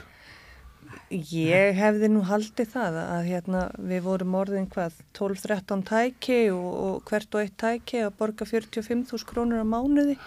Þannig að ég hefði nú haldið það að það væri nú ágætt að hafa fastar tekjur allt árið um kring í staðan fyrir bara hér og þar og eftir fjölda sem að. En Bergþór heldur að sé svona ótti hjá borginni eða verði til eitthvað svona trailerpark? Já, ég held að þessi hættu við það. En Hættu- hvað er að því? Ég veit ekki. Ég... Nei, það er bara alls þær í heiminum. Já. Þetta er bara mjög þægilegt að búa svona og, og, og mér, líð- mér líður bara mjög vel svona. Já. Ég skil ekki þessa hræðslu, þú veist, að já, búa til bara almennlegt svæði. Mm. Það er fullt af fólki komið á byggðlista. Til að fara þess að þið eru upp á Já, Sæfarinn? já, eða bara inn á svona svæði hjá okkur. Já. Það er bara, ó, ég, ég veit ekki hvað er orðin margir í dag en já, en það er mjög margir sem vilja, vilja búa svona því að fólk náttúrulega, og þetta er mun skarra heldur en að vera á göttunni sko. Já.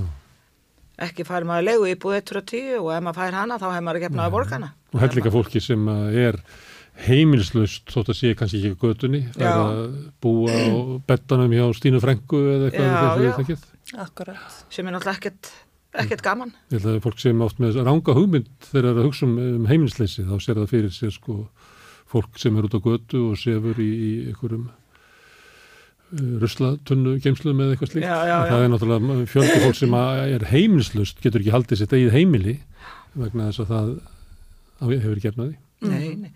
Þetta er náttúrulega ekkert alveg í lagi leigan á markaðanum í dag sko. Nei. Nei, Ég, ég bara skilir þetta ekki orðið sko. Nákvæmlega. Ég meina, ég er, hérna, er öryrki og hérna, ég er á einhverjum legsta taksta sem að fyrir finnst á landinu. Ég hefði aldrei efna því að borga af húsnæði fyrir utan það að ég er með gæludýr, þannig að ég þyrfti að borga herra heldur en skilur bergþóra vegna þess að hún er ekki með gæludýr, Já, ef þú fengir íbúð ef ég fengi íbúð. sem er ekki víst. En e, þetta er ekki lífstíl sem að hefur ákveð ykkur. Þið, e, þið eru búið svona vegna þess að, að það er ekki hægt að fá almennið húsnæði. Eða hvað? Ég ætlaði reyndar ekkert að vera alltaf svona sko. Nei. En mér líður bara óbásla vel. Já, ég, ég er ekki að segja það líði illa, ég er bara að segja að þetta er ekki Þetta- það sem þú valdir sko. Nei, nei, ekkert tannig, ekkert, ekkert endilega í byrjun, Nei. þú veist.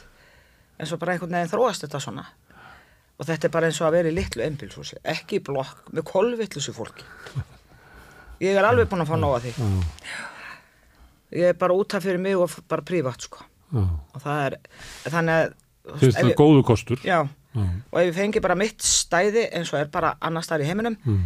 að þá myndi ég bara svona gera það lítið bara fallega af og gera bara fallegt. Já. Það er minn draumur, sko. Og þér finnst að þú ættir að meiga það? hérna Að. Já. Ég sé ekki það að það er einhver, einhver kallar í nýri bæjar á því, sko. Ég á að fá stjórna því sjálf. Já. Þú sagðir hérna í, í blokk innan um eitthvað. Já, Já. Hvernig er samfélagið í þessu litla þorp ykkar? það er bara mjög fint. Nei, eindislegt. allir farnar svo að hálf tíu, tíu á kvöldin En ákveð haldið að það sé, að það sé gott, er það bara gott fólk sem að kýsa að, að, að búa svona eða, Í- Við eða ef að náttúrulega, blokkin getur verið erfið? já, við, við er- erum náttúrulega svo lítið samfélag. Þannig að við erum öll búin að kynnast, við þekkjum öll hvort annað með nafni, við vitum hvað hérna, allir er að gera. Já. Þannig að og, hérna, þegar við komum út á mótnana og bjóðum við öllum góðan daginn Já. í, í hvaða öðru hverfi í Reykjavík eða götu þekkist það. Já. Ha, ég er til dæmis á, á mótnana þá hérna röldi ég með kaffibólla minni yfir til Bergþóru og, og hérna við bara setjumst niður og, og spjöllum og En það passar illa við svona eitthvað hugmyndum að þið séu eitthvað fyrir, að þið séu eiginlega lítir á borgar náttúrulega. Passar ekki saman. Ykk- Ykkar upplifun af þorpin ykkar eða hvernig borgaröföld þessar. sko það sem að ég er náttúrulega búin að segja í langan tíma er að ég bara pínlítir hættu um að þetta séu fordómar vegna þess að þessi staðal ímynd Mm. af svona trailer parks Mm. Sem að er svo rótgróin. Hún er að skemma fyrir. En hérna það er bara svo gömul ímynd. Ef fólk myndi bara horfa á það í dag hvernig svona samfélög eru orðin út um allan heim þá er þetta alls konar fólk. Mm. þetta er fjölskyldu fólk, þetta er fullorðið fólk þetta, eru, þetta er vinnandi fólk þetta eru öryrkjar alls konar fólk. En Ég oft er þetta merkið þess að sko húsnæðiskerfið hefur brostið. Er það með sér að aukast mjög mikið trailerparks í bandaríkjunum núna og meðal annars bara vegna þess að bara lífskjör, fólk séu vestnað, möguleikin á því að, að leia eða eignast er orðið verri og, og þetta vex og þar reyndi er þetta merki um það að yfirvöldu hefur brúðist. Kanski vilja yfirvöldu ekki að þetta sjáist út af því. í mögulega Mm. mögulega þetta er, þetta er svona skammarblettur bara þau eru ekki búin að vinna vinnuna sína þannig að við erum skammarblettur á því að fá höfðaborgin aftur eitthvað svolítið sugmynd um að komi uh, fátakra reysi getur verið Nei, ég minna, gætu við þá ekki alveg eins bara að fara út í það að byggja okkur hérna einhver kofaskrefli úr hérna palettum. Ég minna, væri það eitthvað betra? Við þurfum heldur ekki endilega að vera fátak þó við búum svona. Nei, Þannig, Það er nú bara þannig. Öll, a- allt kostar þetta. Það er dýrt að eiga hjólið sér. En það er það. Því að hérna, það sem að bilar hjá okkur, að það kost, kostar markvælt meira að laga heldur en í, í venjulegu íbúðurhúsi. Nei, ég er að reyna að endur óm eitthvað sem að viðhór sem ég geti haldið að vera núti. Herðu, en þið eruð með félagskap sem heitir hjólabúar, Samtök hjólabúa, já. samtök hjólabúa. Og e, taka borgari svona marka á ykkur, að þið séu svona félagskapur sem að þau eigi að ráðfæra sig við, samráð við um, um þróun þess hvernig staðið verður á þessum málum í framtíðinni. Nei, miður. Já, Það, við erum búin að reyna síðan í hérna bara fyrra hausturugla þá erum við búin að reyna að fá sæti við borðið og fá að sækja fundið sem að snúa að okkur og okkar málum já, en það er einhvern veginn aldrei hægt. Ég veit ekki alveg af hverju. Ég meina halda þau að við verðum bara reyð og rífum kjaft eða að við bara hreinlega skiluru ráðumst á þau eða getum þau lifandi mm, við erum bara venjulegt fólk. Við getum alveg setið og átt í sko, hérna, málefnilegum umræðum og það á að vera hægt að setjast niður með okkur og tala sig saman á plan sem allir geta sætt sig við. Nú er þetta svolítið stór uh, aðgerð að far, fæla ykkur út úr laugadalum og flytja ykkur þóku upp yfir. Var uh, ekki drættið ykkur í aðranda þess? Jú, en það var bara rosalega lítið og það var nú aðalega tengiliðurinn okkar hérna, sem er búin að standa eins og klettur við bakið okkur og aðstóða okkur í þessu öllu saman. En hérna, það var einhvern veginn bara vegna þess að það var búið að humma þetta fram á sér. Borgarir vissu það að leigusamningunum okkar í lögadalum var að renna út en það var einhvern veginn aldrei hægt að taka ákverðun um hvað þetta að gera. Það var eins og við væri bara að býða eftir því að við myndum gefast upp og fara bara flakk. Er það eitthvað betra? Mm. Að við séum bara í hérna stæðum hér og þar um borgina. Ég er ekkit viss um að það er eitthvað betur séð sko. Niðurstan var svæðið upp á Sæfarsöða sem að ykkur finnst ekki visslegt.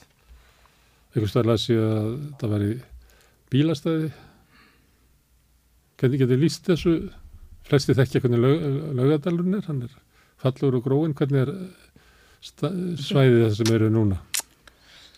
Það er bara glerbrot og rusl.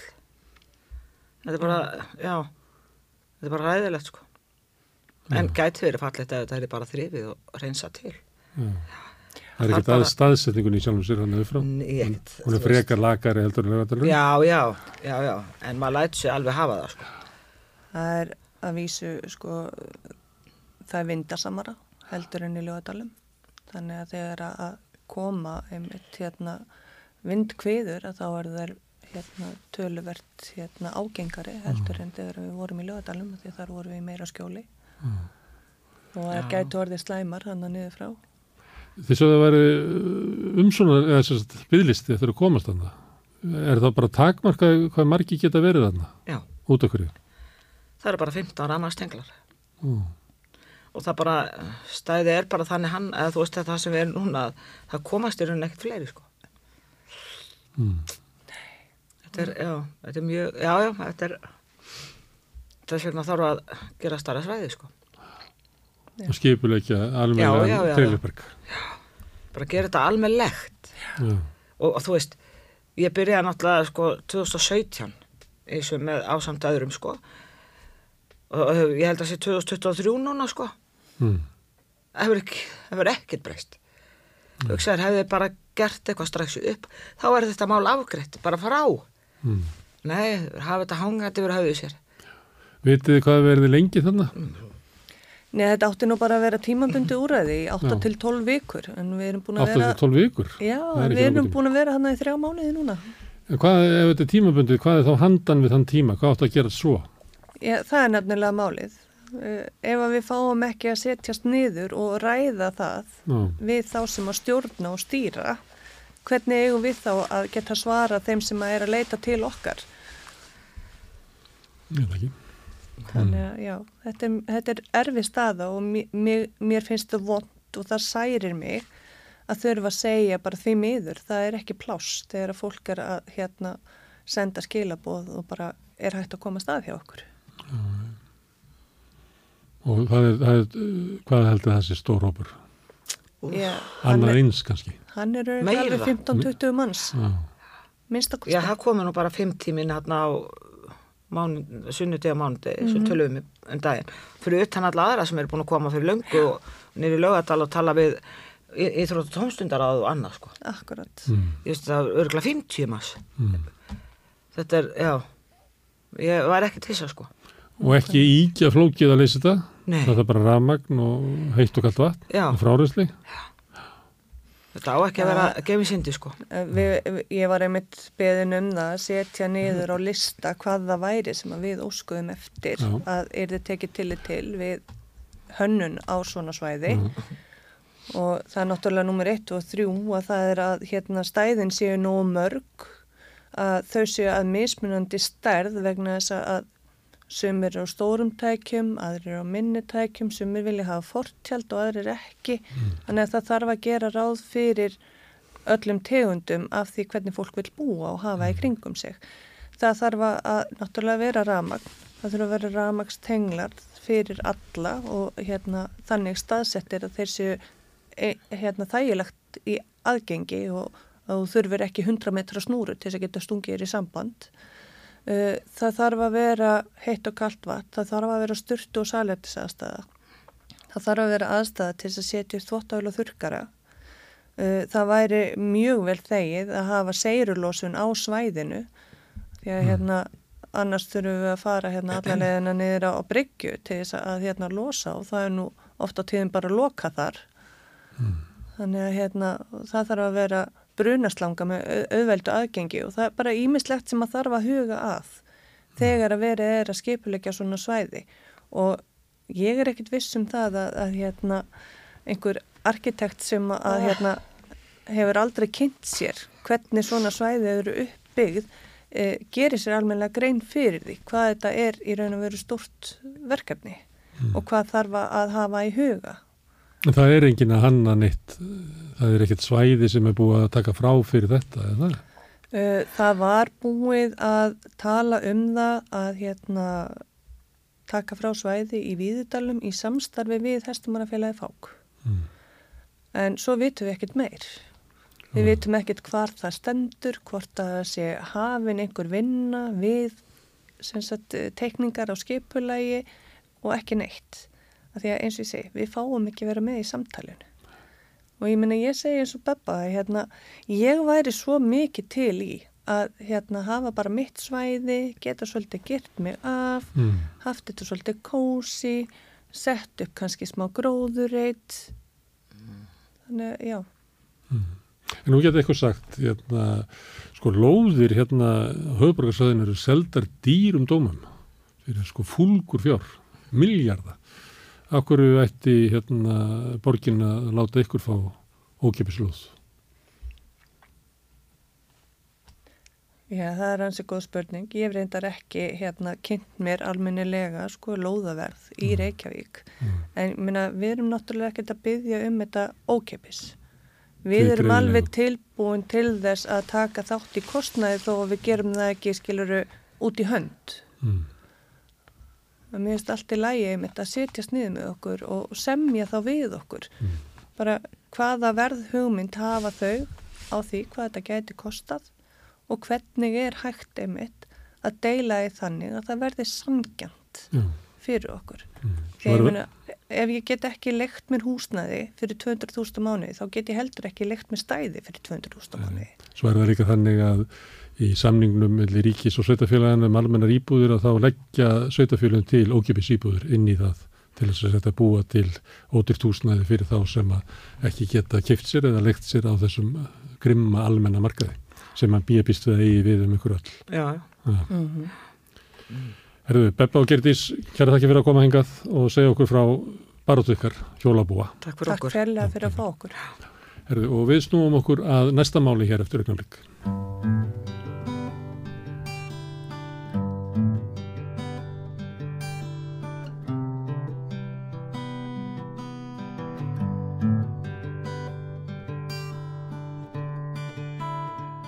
Komið sæl og verið velkomin að Rauðaborðinu. Ég heiti Otni Eyr og til minn er komin mjög góður gestur. Það er Guðrún Hallgrímsdóttir, matmæla, matvæla verkfræðingur, kvenréttinda, baráttukona og bara eiginlega mjög mikil svona frumherri og brautriðandi á mörgum sviðum. Verður velkomin.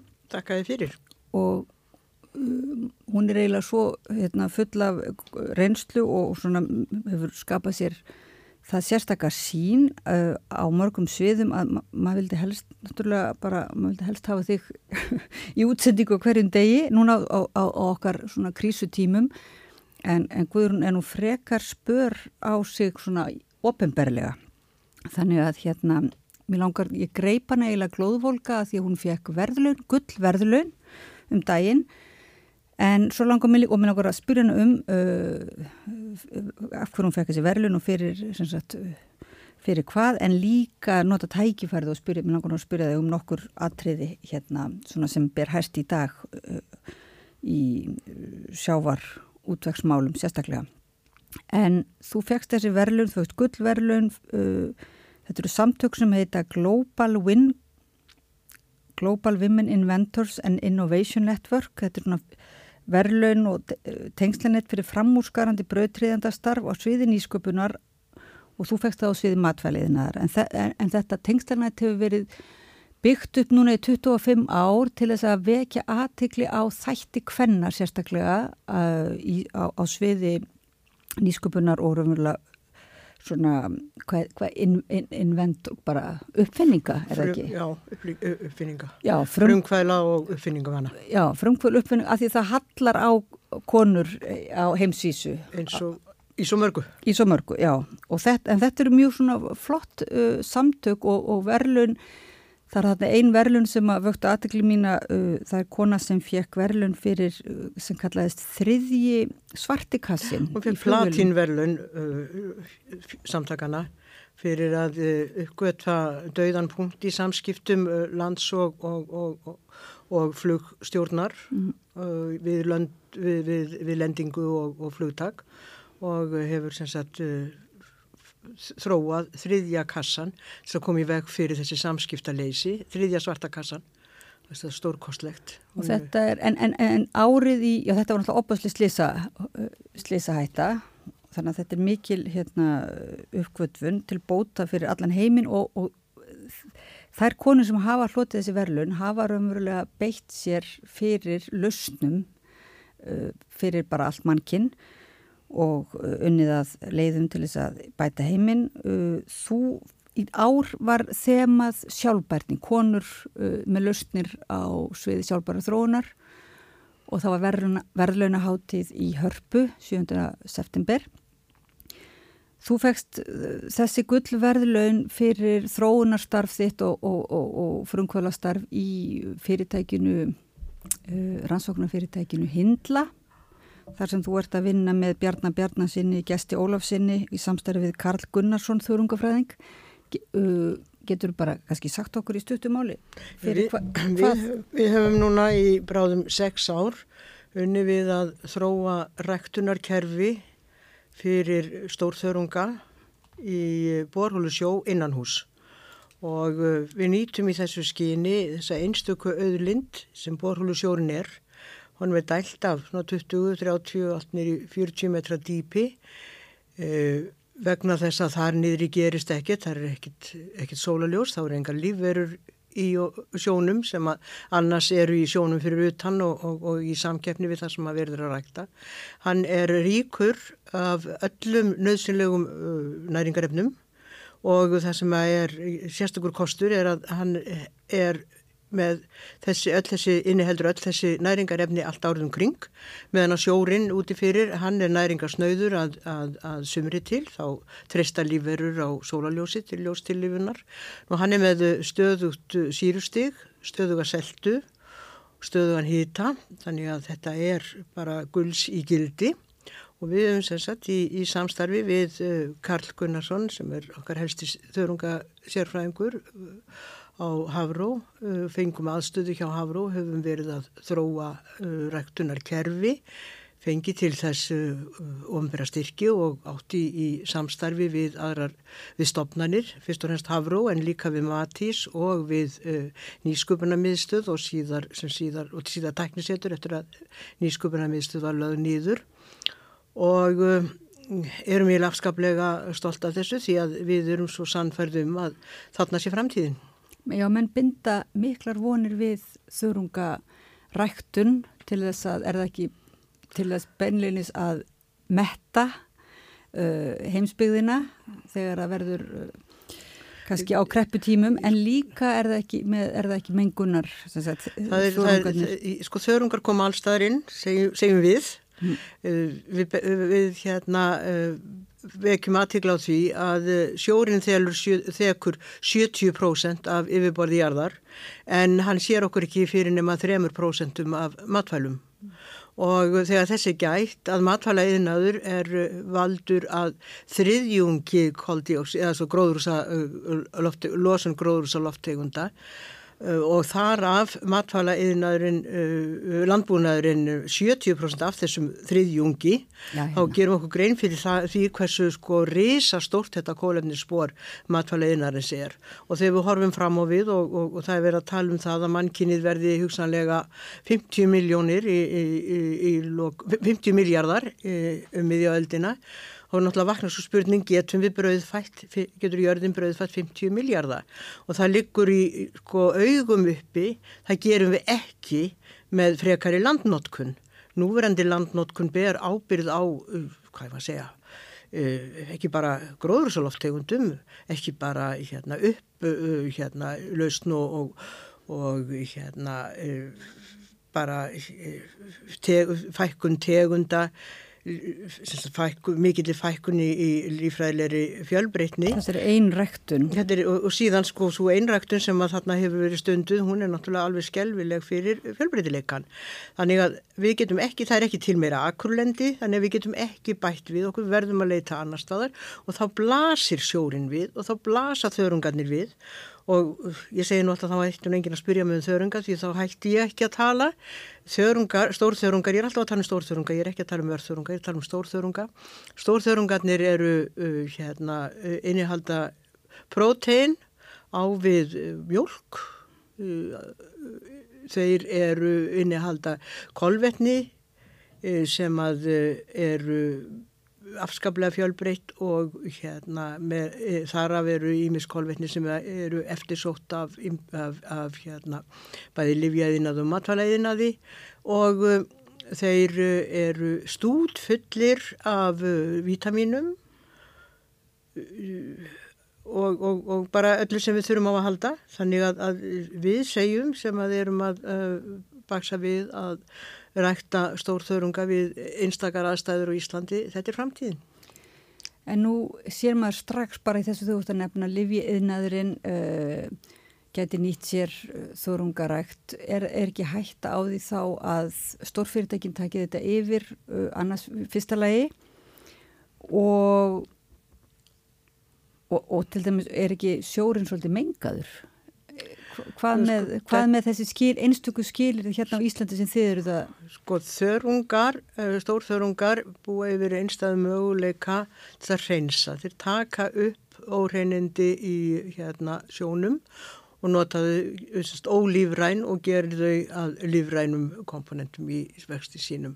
Þannig að þeir búa yfir alveg einstöku möguleika til þess að annars vegar reynsa sjóin og hins vegar að uh, framleiða uh, ráefni til matvæla getum, uh, og, uh, Þannig að þeir mengast ekki á kvíkasilfri eins og Ef að kvikasilfur er fyrir hendi þá get ég vel ímynda mér að þeir tækju það upp vegna þess að þeir taka upp uh, alla hluti sem betur fyrir nú kannski ekki mikið um kvikasilfur í sjóin það er allt, að, við náttúrulega erum að hamast við að menga sjóin og, og það gerir nú til dæmis landbúnaðurinn. Mm. 80% af öllu hérna ónæmisli, öllum, öllum fúkalifjum uh, í heiminum fara í landbúnað aðeins 20% í okkur fólkið og auðvitað nýtast, nýtist þetta ekki allt saman mikið stór hluti af því sem að fúkalifjum sem að landbúnaðurinn uh, nýtir uh, lendir í sjó, vötnum, ám og mengar þar.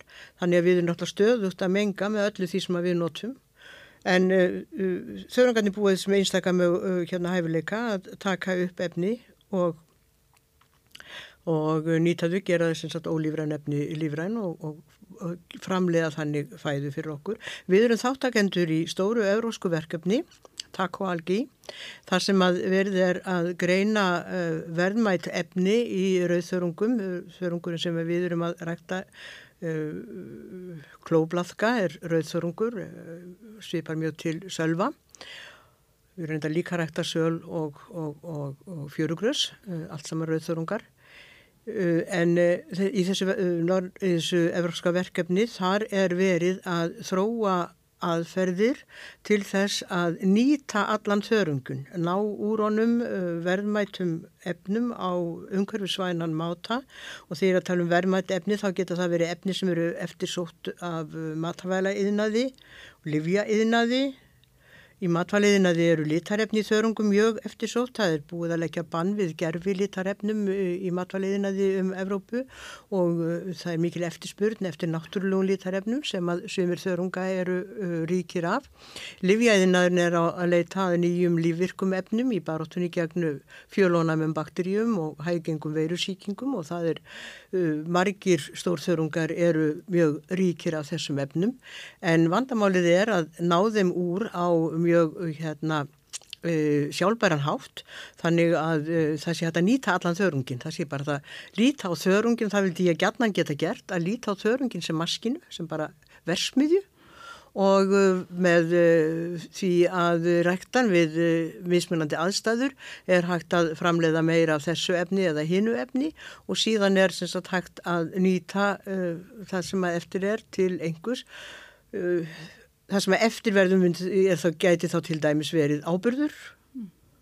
eða færði í fóður og þá hefur við glemt að segja í sambandi við landbúnaðin að stór hluti af þessum gróðrösa loftegundum sem að landbúnaðin er uh, ábyrgur uh, fyrir er, kemur frá meldingu hérna, jórsturdýra og uh, það hefur reynst afskaplega vel og er uh, þegar færið að, að, að vinna að blanda fóður með ákveðnum tegundum þörunga sem draga mjög úr þessari framleyslu metangas. Metan hefur 300 sinnum meiri uh, hérna, gróðrúsa áhrif en koldíósið og með því að blanda þörungum í fóðurinn þá hérna, er það draga úr framleyslu þessa metangas uh, já, allt upp í 90%.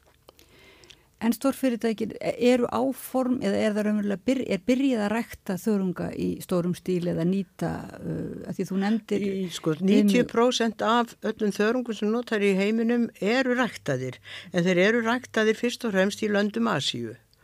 Og þar eru þeir notaðir til matar, til fóðus og, og, og, og til úrvinnslu, gegna bara mjög þýðingar miklu hlutverki í uh, uh, mataræði landsmanna það sem að uh, við erum mjög langt, langt á eftir hér á Vesturlöndum og það eru mörg ljón í veginum, það er til dæmis ekki komið regluverk, uh, við á Vesturlöndum erum hrætt við jóð innihald, þeir eru ríkir á jóði og, og í sumum brúnþörungum er, er mikið af, af, af jóði og, og menn varsafandi eh, konur eh, þær eru varað við að neyta þörunga.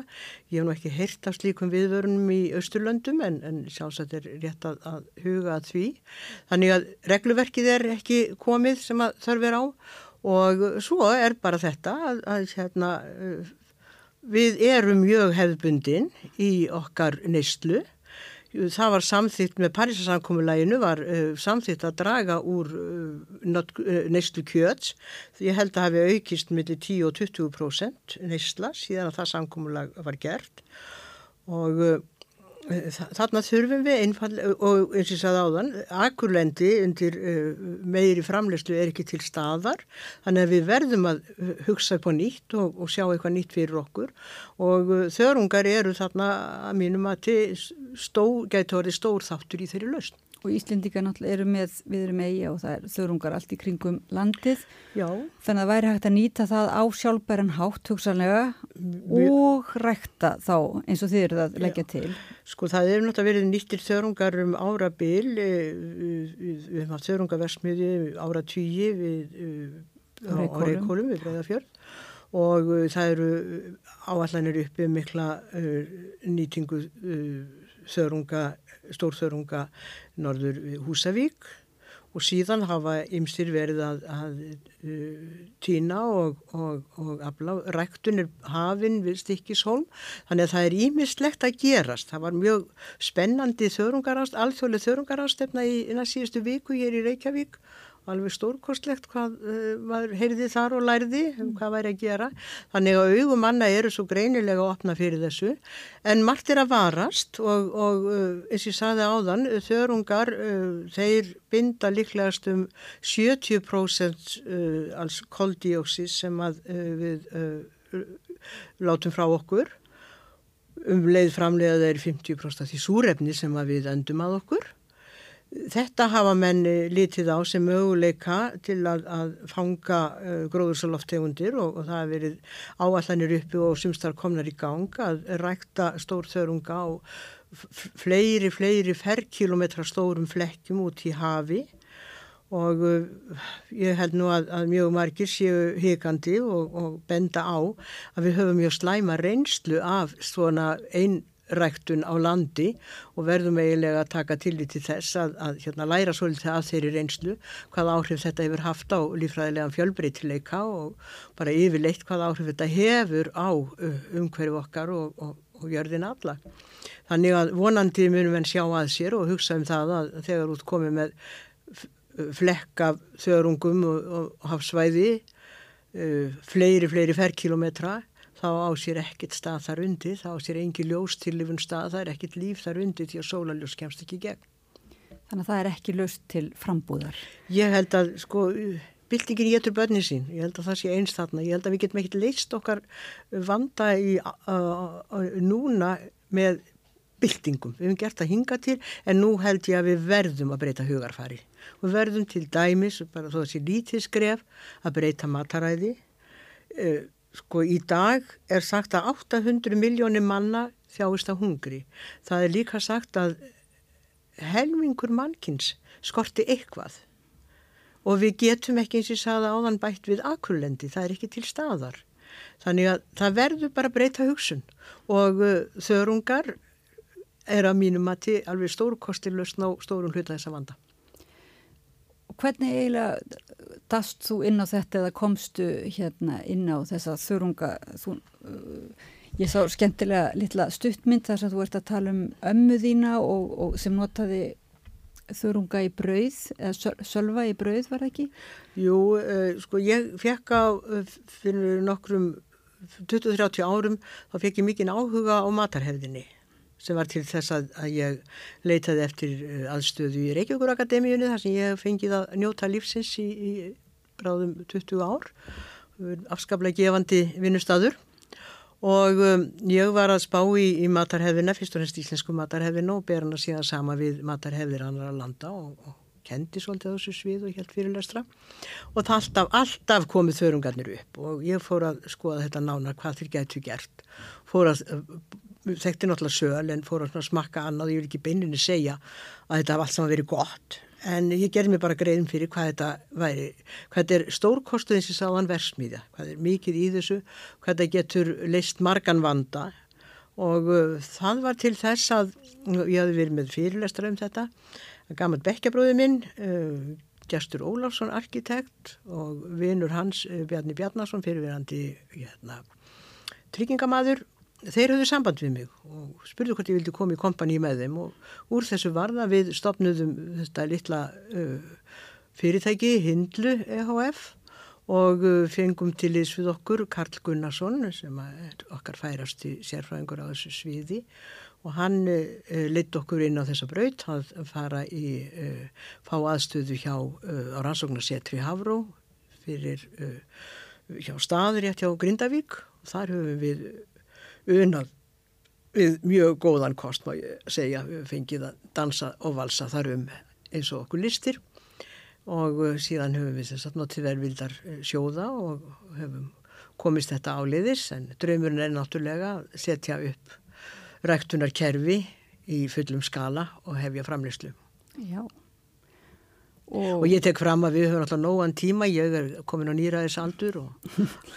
Það er nú, en þú ert búin að vera alveg, þú ert búin að vera að svolítið lengi og hérna á ymsum sviðum byggt upp uh, vottunarstofuna tún er það ekki með, með öðru Já, það, fólki? Það var, það, það, var, það var náttúrulega alveg sérstaklega ánægilegt spór ég fekk eitthvað tíman ég, mér minnist að ég var atvinnulegs ég hafði verið forstuðum að hjá Ríkismætti sjávarafverða þegar það var lagt niður, þá var ég atvinnulegs og greinilega komin á þann aldur að enginn kerði sig um svona gamla kettlingu.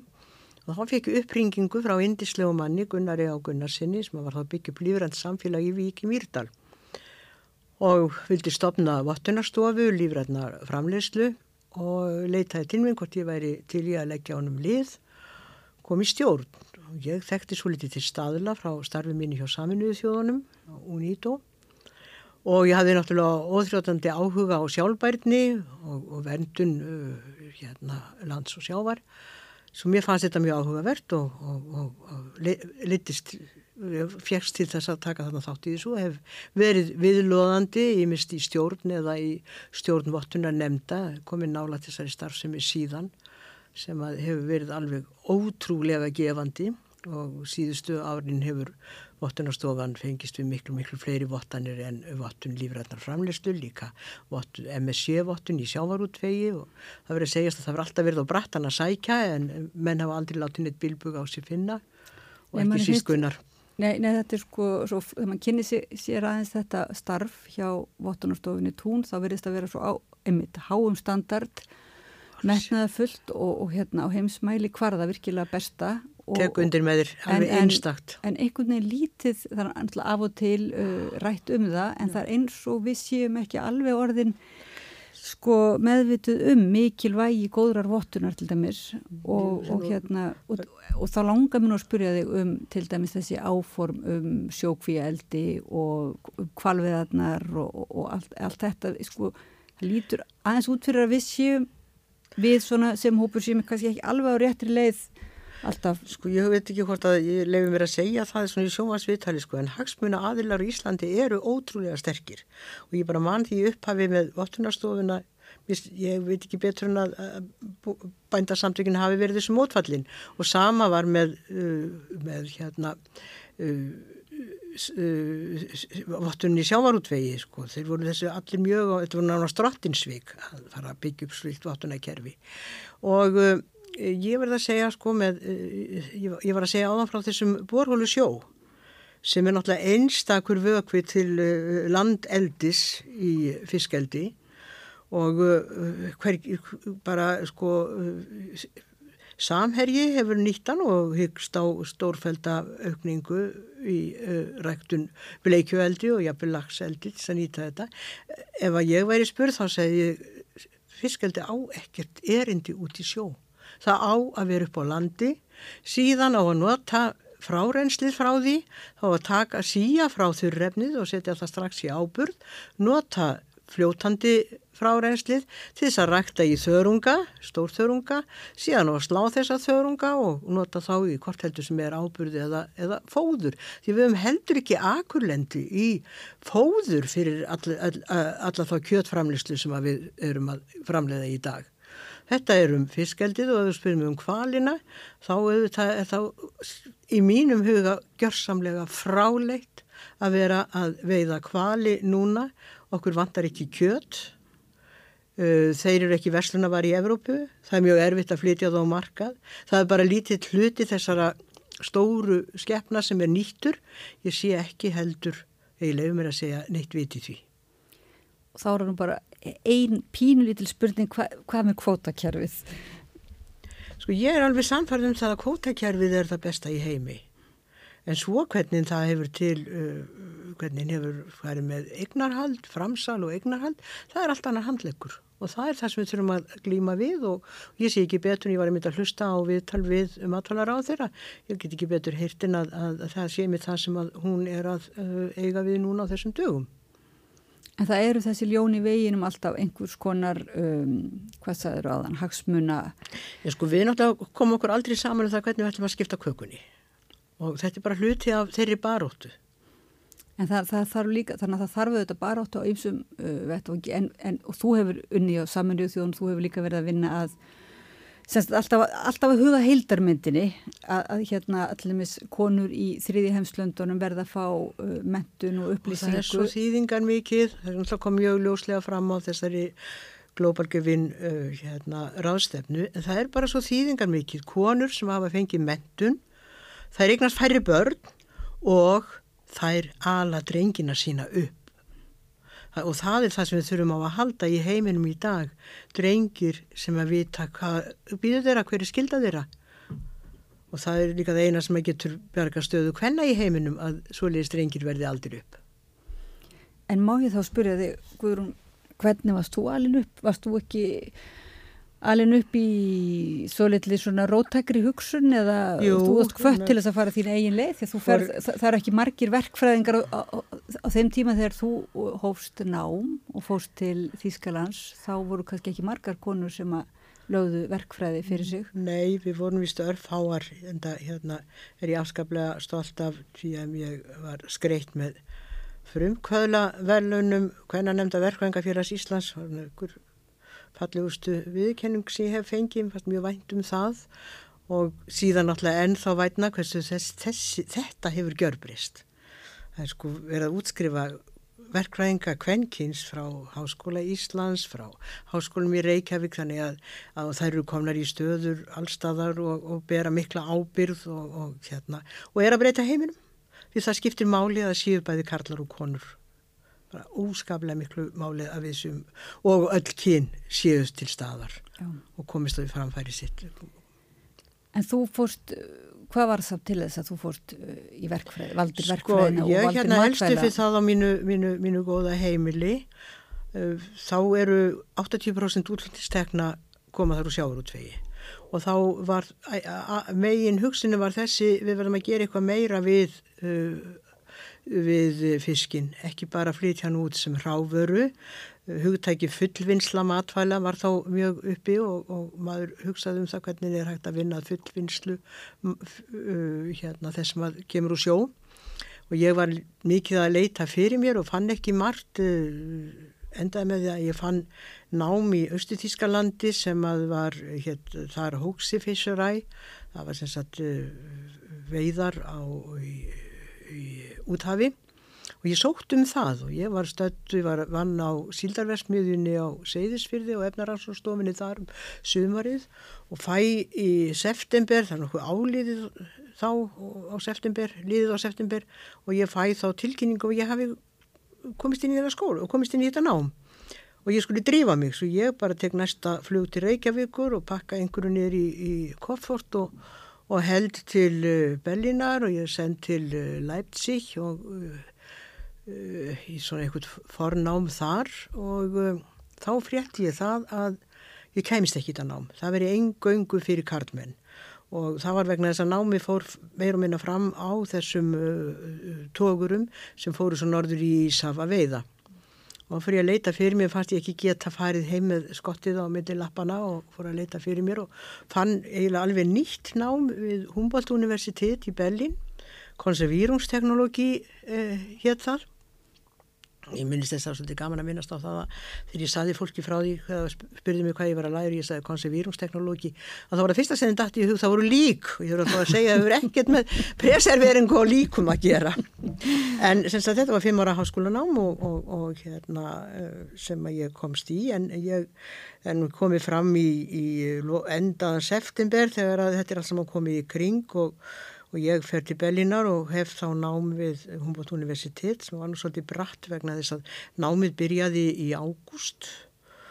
Og mínir skólafélag voru sem búin að vera í hörku námið þarna í, í, í hérna e, tvo mánuði nánast þegar að, að, að ég kem. Og þetta, veturinn var mjög mjög erfiður en, en einhvern veginn slumpaðist ég í gegnum þetta og kláraði námið og, og hérna e, með alltaf með sjáurútvegin í huga Ég var í þeirri deild námsinn sem fjallaði um próteinmatvæli þar að segja uh, kjöt og fisk.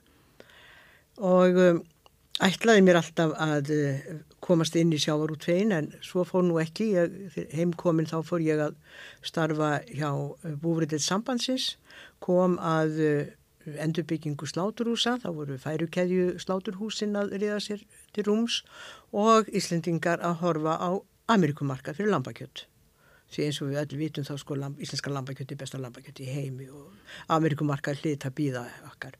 Og ég var líka fórstuðum aður ansókstofu búri deildar og hafði sagt, eftir hlýtt með framlistlu kjötinastöðva sambandsins og bara minnistætt hvað ég kynntist óskaplega frábæru fólki þarna sem er mér ennþá minnistætt og hefur fyllt mér alla efi en uh, svo sem sagt uh, leitist mér norðið þó við og uh, greip tækifæri það kom kona frá höfustöðum 1975 uh, kom kona frá höfustöðum saminuð þjóðana að leitað konum, það hefði verið samþýtt að fjölga konum í uh, svona helstu uh, agencies og höfustöðum saminuð þjóðana og ég fór þannig viðtal, ég held þessi kínverska kona hafi talað við 8-10 konur og svo leið og beigð og ég fæk síðan bara um uh, í janúar skeitum það að mér bjóði starf hjá UNIDO í hérna Vínarborg og uh, það var á sviði staðla og ég átta mig þá að ég hefði eitthvað notað hugtæki staðlar trúlega hans að þekkja nú mikið til þess en mér fannst það svo spennand að komast í starfa hjá Samrið þjóðan og ég saði já og drefum við þangað fekk svona fixed term heitir það, tvekja ára en uh, mér líkaði þetta ekki uh, mér fannst ég, ég ef ég á að vera alveg hreinskilin, mér finnst ég eiginlega aldrei hafa verið eins vita gagslös eins og þessum tveimur árum. Ég kunn ekki á þessa byrokratju, mér fannst allt ganga mjög hægt og, og svo ef að maður fekk verkefni, eitthvað stað til dæmis í Araba heimi, þá kom vísast tilbaka bref, please send us some more, more uh, uh, uh, hérna uh, competitive staff member. Af því þið sáu stafina MS fyrir framann og vissi að ég var hvern maður þið vildi fá einhvern hævari starfsmann en þessa, þessa hvern snift Já. og það var íminnstætt svona sem gerða verkum að, að í stað þess að þykja uh, áframhaldandi ráningu þá þakka ég fyrir mig og fór heim. Og þá sagðum margir við mig ertu snar vittlus, vist ekki hver eftirlaunin eru? Og ég var ekki eins og færtu og var náttúrulega ekki fann að hugsa um eftirlaun og En hugsaður um, hugsa um þessi orð núna kannski, nei, þú ert, þú ert raunverulega svona eins og sí ung, ég get nú vitnaði um það, okkur ekkert um minni, þú ert alltaf að bjóða upp á spennandi tilraunir, koma með orst sem er búin til með þörungum og leiða félagana um fjörurnar, kynna fyrir okkur uh, bara þang heiminn allan og svona þannig að leikur og tónlist og uh, þú hefur kosið að vera meira á, já, á vettvanginum einhvern veginn og, og vera, gera tilrauninnar. Ég hef bara voðalega gaman að vera með og ég ger allt sem er skemmtilegt. Það er óskaplega gaman að fylgjast með einhvernum árangri, hann þetta gengur kannski hægt hjá okkur í hindlu en við sjáum alltaf einhvern árangur og það er svo skemmtilegt. Og þeir eru með doktorsnema núna og, og eru svona... Við komum með dásamlegan doktornema frá matfál og næringafræði deildi háskólans og háum kannski mastersnema og, og þetta er alveg, sko, auðvitað draumurinn sá að sjá versmiður í það og... E, vil nú ekki minnast aftur á aldurinn en uh, þetta er alveg stórkostlega. Sjá versmiður í þann en þá ekki svona stór versmiðju stór, þú ert að hugsa um annars konar Ég er að hugsa um versmiðju sem Já. að nýti sér uh, kosti bórhólu sjávar til þess að rækta þörunga Eh, stórkostlega matþörunga og þörunga sem að hægt er að vinna úr eh, lífsnöðsynlega efni fyrir, eh, fyrir fólkið á jörðinni. Og þetta er ekki bara enn eitt refabúið eins og sem er tala um einhver þörungabóla, þetta er beinlinis. Guðana bænum ekki nefna refabú. Já þetta er raunverulega framtíð. Þetta er framtíð, já. já. Við, verð, um við, við verðum bara viðukenna það, við getum ekki uh, með einhverju tæknibildingu leist vanda heims. Við getum vel leist vanda heims, matvæla skort og, og séð þjóðum heims fyrir matvælum, við verðum bara breytum hugsun. Já, þannig að það er bildingur einhvers konar, annars konar bilding, það er ekki þessi stór, stór hérna, blóðuabilding heldur í, í smáum skrefum og, og búa til þetta global net, hvenna um allan heim og, og allra raunverulega nýherja og frumherja og, og hérna þeirra sem horfa fram á við. Og þú er nú bara rétt að byrja hérna, þú sjá mörglega þessar verksmiður uh, rýsa en ég þakka þið fyrir komuna í hingaða rauðaborðinu í dag. Guðrún Hallgrímsdóttir matfæla verkfræðingur og uh, bara brautriðandi og þakka ykkur fyrir hlusturina Takk að þér.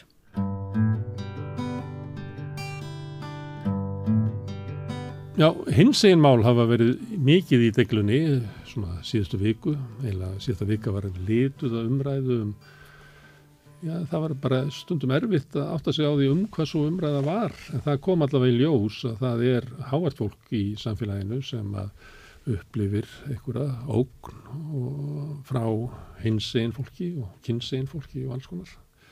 Svona til þess að aðeins að átt okkur á þessum málum og kannski svona sögunni á bakvið baráttu samkynneðra og hins eginn fólks fyrir því að vera ja, fullgildir þáttaköldur í samfélaginu og njóta hér virðingar að þá er hinga komin Hörður Torfarsson baráttumæður þú tekki nú þess að baráttu langt aftur líklega næstu halva öll Já, meirinn hálfa öll meirinn hálfa öll já, já, já, og uh, ég er náttúrulega sá fyrsti sem tekur þetta upp sem baráttumál á sínum tíma og þótti glæpur.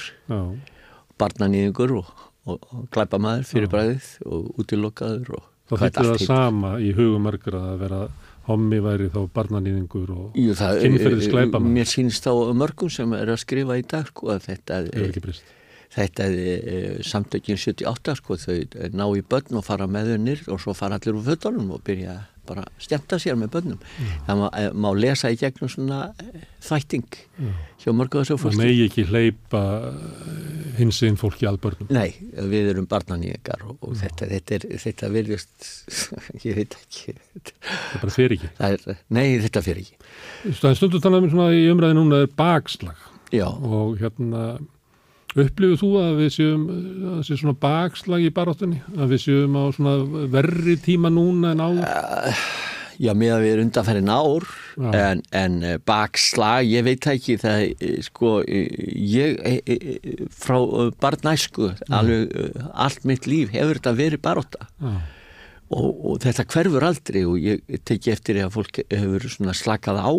Og þegar það hefur komið við hefum náð áfangasigurum að þá er eins og þá slakallir á nema við reynsluboltarnir við vitum betur þetta, þetta, þetta er bara þetta sem er eilíf, hún verður alltaf Þannig að það er blekkjand að hugsa við höfum náð svona miklum árangri og það er svona mikil árangur Já. og þar alveg til hlítur það að vera að það sé eiginlega bara sigur framöndan. Já, nei, það er aldrei og það er, ég er svo marg oft þetta er bara í allir baróttu mm. að það er, þú nær streyið fram á við mm. en svo koma tvö tilbaka mm. og þetta er bara dansin og svo er kannski tvö fram á við mm. en eitt tilbaka þetta er alltaf svona þessi fæsla það er átak við það koma alltaf upp aðilar sem að sem vilja eitthvað mm. og, og jáfnveil nýta sér þennan e, málstað til að upphefja sjálfa sig Uh, og þeim er, raun, og veru sama þennan málstað, þeir eru bara þeir vita, þeir eru að særa mm. fólk og þeir blása upp bál og mikil, mikil læti. Og svo fer maður að kíkja á þessu aðilega þá er þeir að reyna að stefna þing eða eitthvað að koma sér í valdastöðu. Þetta, ég sé þetta víða. Já, sem er að nýta sér þá uh, málflutning gegn ykkar frelsisbartu Já, já, og ekki bara okkar ímsum, þetta er bara að særa, meiða æsa, niðurlæga fólk. Mm. Uh, og, og græða á því þetta eru, þetta eru til aðil sem nýta sér þetta En ef þetta er bara átt og svo gís eitthvað upp á mót ykkur hvað er það sem er á mót ykkur? Við hvað er það kljást? Homofóbíu sem er hvað? Það er ótti manna við að vera uh, homi segir þetta mjög uh, það er svona stort séð eins og ég upp, upplifa það og og uh, stundum er það vegna þess að við komum til hommi, hann er bara að reyna að fela hann og reyna að benda á aðra til að reynda sér að horfa á hann mm. ég hef upplifað þetta og, og uh, sko, ég veit að ég reyna ekki að skilja menn sem láta svona það, ofta tíum hefur mér reynst best að leiða það hjá mér mm. ég hef orðið fyrir svæsnum árásum mm. og, og ég horfa á þetta fólk á með það að tala og frussa yfir mig og ég, svona, ég er alltaf, ég er podlurólugur mm. og ég skoða mannist ég er jú leikari, leikstjóri og ég er alltaf að skoða fallt mm. fólk og, og ég veldi fyrir mér sko hugar ástandi þessara mm. mannistu akkur líður henni svona illa mm. Hvað mun þessi persónu að gera næsta þætti? Já það, sko, það sem einkennir þetta fólk mm. oft í mínum huga það er vanlíðan því líður óulega illa sjálfu og þegar þér líður illa þá ferði vonskap og kennir öðrum um mm. ég sé þetta ég einfæld þetta aldrei svona fyrir mér og hef alltaf gert En ákveð þetta fólk að vera að sjá okkur ógn í samkynniðu fólki og hinsið fólki hvað, ekki þú að taka eitthvað af mér eða? Nei, ég skildi, ég, ég held ekki Kanski karlmennskunna, að þú rugglar karlmennskunni já, sem að ég hangi í karlmennskunni þessi ykkur hluti að minni, minni sjálfsmynd og þegar þú rugglar hann aðeins að þá verður ég órugur eða hvað? Ég veit það ekki. Ég veldi þessu fyrir mér, hvað er það sem að þessu ógn er það er ekki bara eitthvað ykkur eins og þess að eitthvað öryrkjum og flera, ég er að velta vera með hvað, hvað óksir fólk af þessu uh, öryrkjum? Ég, Já, ég, það er þetta sko hvaða óksir, e, e, það sér ekki neina ók þetta, þetta er eitthvað í þeirra sálarlífi mannustjunar, þegar henni líður illa þá verður hún að finna sér eitthvað til að ráðast á mm. og kenna um sína eigin vansald þetta, um, þetta er bara mín lífsreynsla, ég sé þetta mm. aftur og aftur Hefur þú gert eitthvað af, af þér við eitthvað öðru fólki? Hef ég? Já. Uh, vafalust, eitthvað tíman óvart ég veit ekki, jú, jú, um- ég, ég man eftir í og, og, og hérna þegar ég var uh, átjáln ára þá var ég náttúrulega uh, á þessum umbróta tíma að gangast við sjálfuð mér og, og þá, þá var viðtal við Alfred Flóka, myndlistamann og þar er í stann yfir í, yfir í viðtali að hann veri Jésu Kristur og kynvillingur mm og ég man ekki hvort ég las þetta viðtal eða ég man eftir þessu viðtali og, og það snerti mér náttúrulega svo voru við félagarnir svona, uh, vorum allir um kringum eitthvað að keira suðugöndina þá sé ég Alfred Flóka koma mm. lappandi með tveimur konum mm. Ég skrúa neður rúðan og öskra hann helvítis kynvillingur í þinn mm. og skrúaði fljótt upp aftur mm. og strákarnir vinið mínu þegar lít hvað var nú þetta mm. og ég gleym ekki hvað með leið hríkalega illa þetta var þá áttægjum á sko ég er að benda á aðra til þess að ég ekki mm. sko þér er átt að benda að segja fólki þegar þú bendur með einu putta á aðra mm. þá eru fjóru putta sem benda þig mm. hugsaði máli Þannig að þeir eru ekki velið í slutverki Nei og, og þetta tími sem ég er að tala við fóreldrar mína um að ég mm. sé hrifin að strákum og þau segja bara vel við mig hérna, já við vitum það elskar mín við höfum alltaf vitað það mm. en það, við bara erum ekki að tala um það fyrir en þú uh, bryttar upp á því mm. og svo var þetta bara fína, fínasta mál mm. en svo var það sko ég er um þertugt held ég mm. að allt í einu Alfred Flóki hann er nágræni mín í Kaupanöfn mm. og ég fór bara til hans og baða hann afsökunar. Og hann myndi náttúrulega ekkert eftir þessu. Og ég bauð og við svínstúi bara út og fekk okkur öll og að borða og En það var rópað ímislegt að Alfred Flóka hann Já, já, já, All, allir sér standa út úr og, og, og, og þetta var svona andleg vakning hjá mér held ég að, að sko ég vissi upp á mig mm. sko ég verið í þessu hlutverki ég veit hvað þetta er mm. og sektinn og vanlíðan og hún fætti strax hjá mér sko og ég veist út af hverju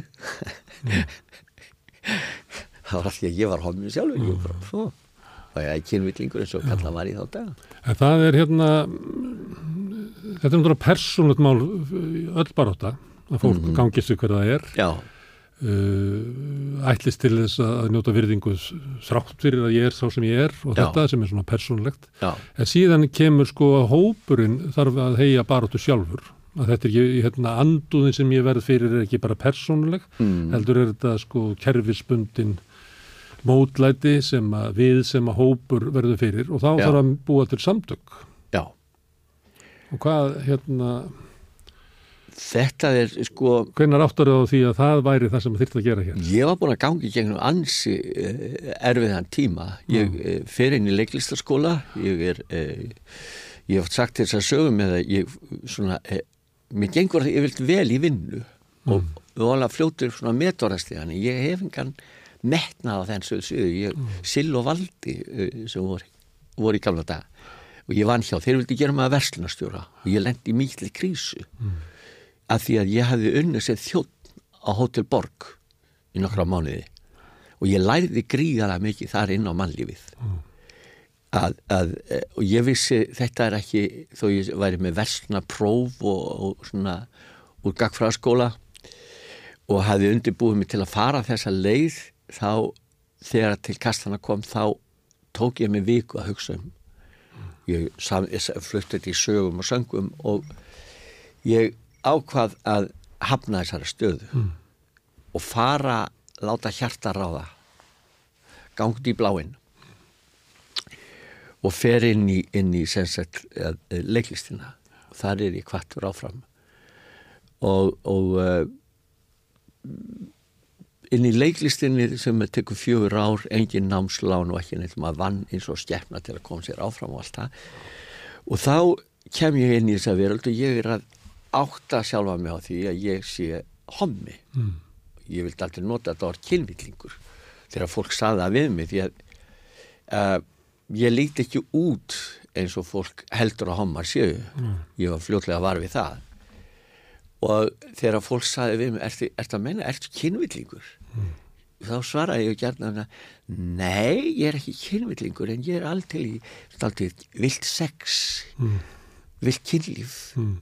Og fólk ég var svona að reyna að sletta á móti og kurta svona. En öll þessi reynsla minn í leikhúsinu og læra einn á, á að koma fram og allt þetta tóttari og, og verða fyrir aftur og aftur ungur saklustrákur mm. það var, ég held ég hef aldrei dreipið flugur árásögna sem ég var fyrir. Og svo tók ég eftir í því að þessar árásur voru þannig gerðar að það, ég var alltaf króaður af svo engin annar heyrði. Þannig voru engin, enga sannanir. Og ég fer að byggja upp með mér og sko, ég gengst við hver ég er. Ég hafði séð lesið Óskar Wilde ég hafði rætt við foreldra mína ég átti frænda sem var hommi. Og ég fer að kynnist homma veröldinni sem var leini veröld hér í Reykjavík. Mm. Og mér blöskraði alltaf sko neyslan það var, eh, var alkohólið og, og pillur og, og hass og allt þetta mm. Og það allir á flótta?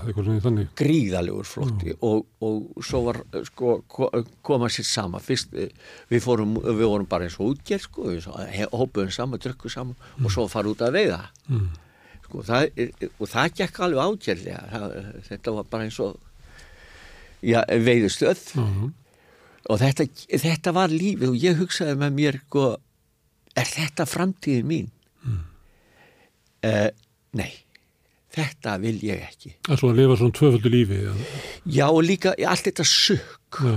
Það, ég, það er ekkert í mér.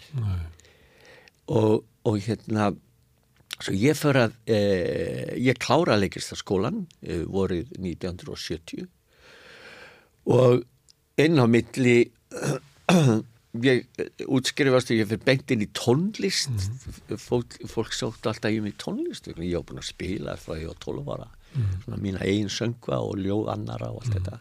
Og slóstótti í gegn og svona ungstirni? Já, þetta, þetta er það sem ég gerir 1970 en leiði ég búin að full, uh, uh, ég, ég útskrifast með tvo samninga í, í Varsanum annað var að, sjá um tónlist fyrir uh, ferðarleikúsið Light Nights eins og það hér þá á ennsku og hinn samningurinn var að, að gera plötu, tólaga plötu með söngvonum mínum.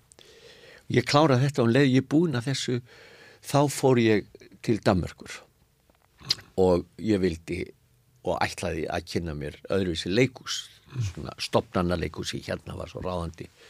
Og ég var búin að vinna með eh, grímu, það var svona samtökleikara í Tjörnabæ sem sett upp alls konar. Og þetta var náttúrulega eh, svona ókjöpisvinna og, og mikið á þeim tíma, maður vann mikið eh, ás að vera að taka laun því við vissum alltaf að var hvað ekki til peningur. En við gerðum það samt og þetta var gaman. Og þegar ég kom til kaupmannarhafnar þá er að liða bara örfáði dagar þá er ég bakkað upp á ég sóttur af íslenskum eh, hópi listamanna til að vera með í Andorklesa leikursinu sem var politist og, og mjög fræðandi og skemmtilegt og ánægilegt en um leið þegar ég komið til uh, eh, Kaupinar þá kynist ég sagt, uh, samtökum sem mm. heita samtök, ég fór búin orða fyrir samtökin 48 mm. og þau eru diskotök og ég allt inn upplifi sjálfa með frjálsan ég, get, ég fenni í diskotek það er allir homar og lesmiður og ég er meðal jafningja, það er mm. engin þessi áráðs, engin vörn og nefna þegar við komum út á diskotekinu og við þurftum stundum að passa okkur en ég fyrir að e, þeir voru með skrifstofu og ég fyrir á skrifstofuna og fræðast um þetta. Og þar eru bókasafn og þar eru menn sem eru tilbúin að ræða og, og fræða og, og ég bara allt í hérna áttaði mig á það er þetta sem við þurfum á Íslandi. Mm. við þurfum að setjast niður ræða okkar mál, standa saman og verja hvern annan. Mm. því að það var mikið ráðist á uh, fólk á þessum árum og þótti alveg sjálfsagt. Og við vorum svívirtir í, í uh, bara opibellega í fjölmiðlum og hvað sem er og ég fer svona að ræða þetta við aðra. Þegar ég kem til Íslands 71 þá er orðin heimsfrægur, það veit allir hver ég er og eftirsóttur og ég í eh, að leika, leikstýra, leika í kvikmynd, kvikmyndum. Mm. og þetta var ekki svona, þessi tími var allt öðruvísi, sko, þjóðlíku, þegar ég er útskrifast þá er þjóðlíkus í raun og er bara 18 ára, það er 14 ára þegar ég fer þar inn í skólan, þetta er mjög ung listgrein.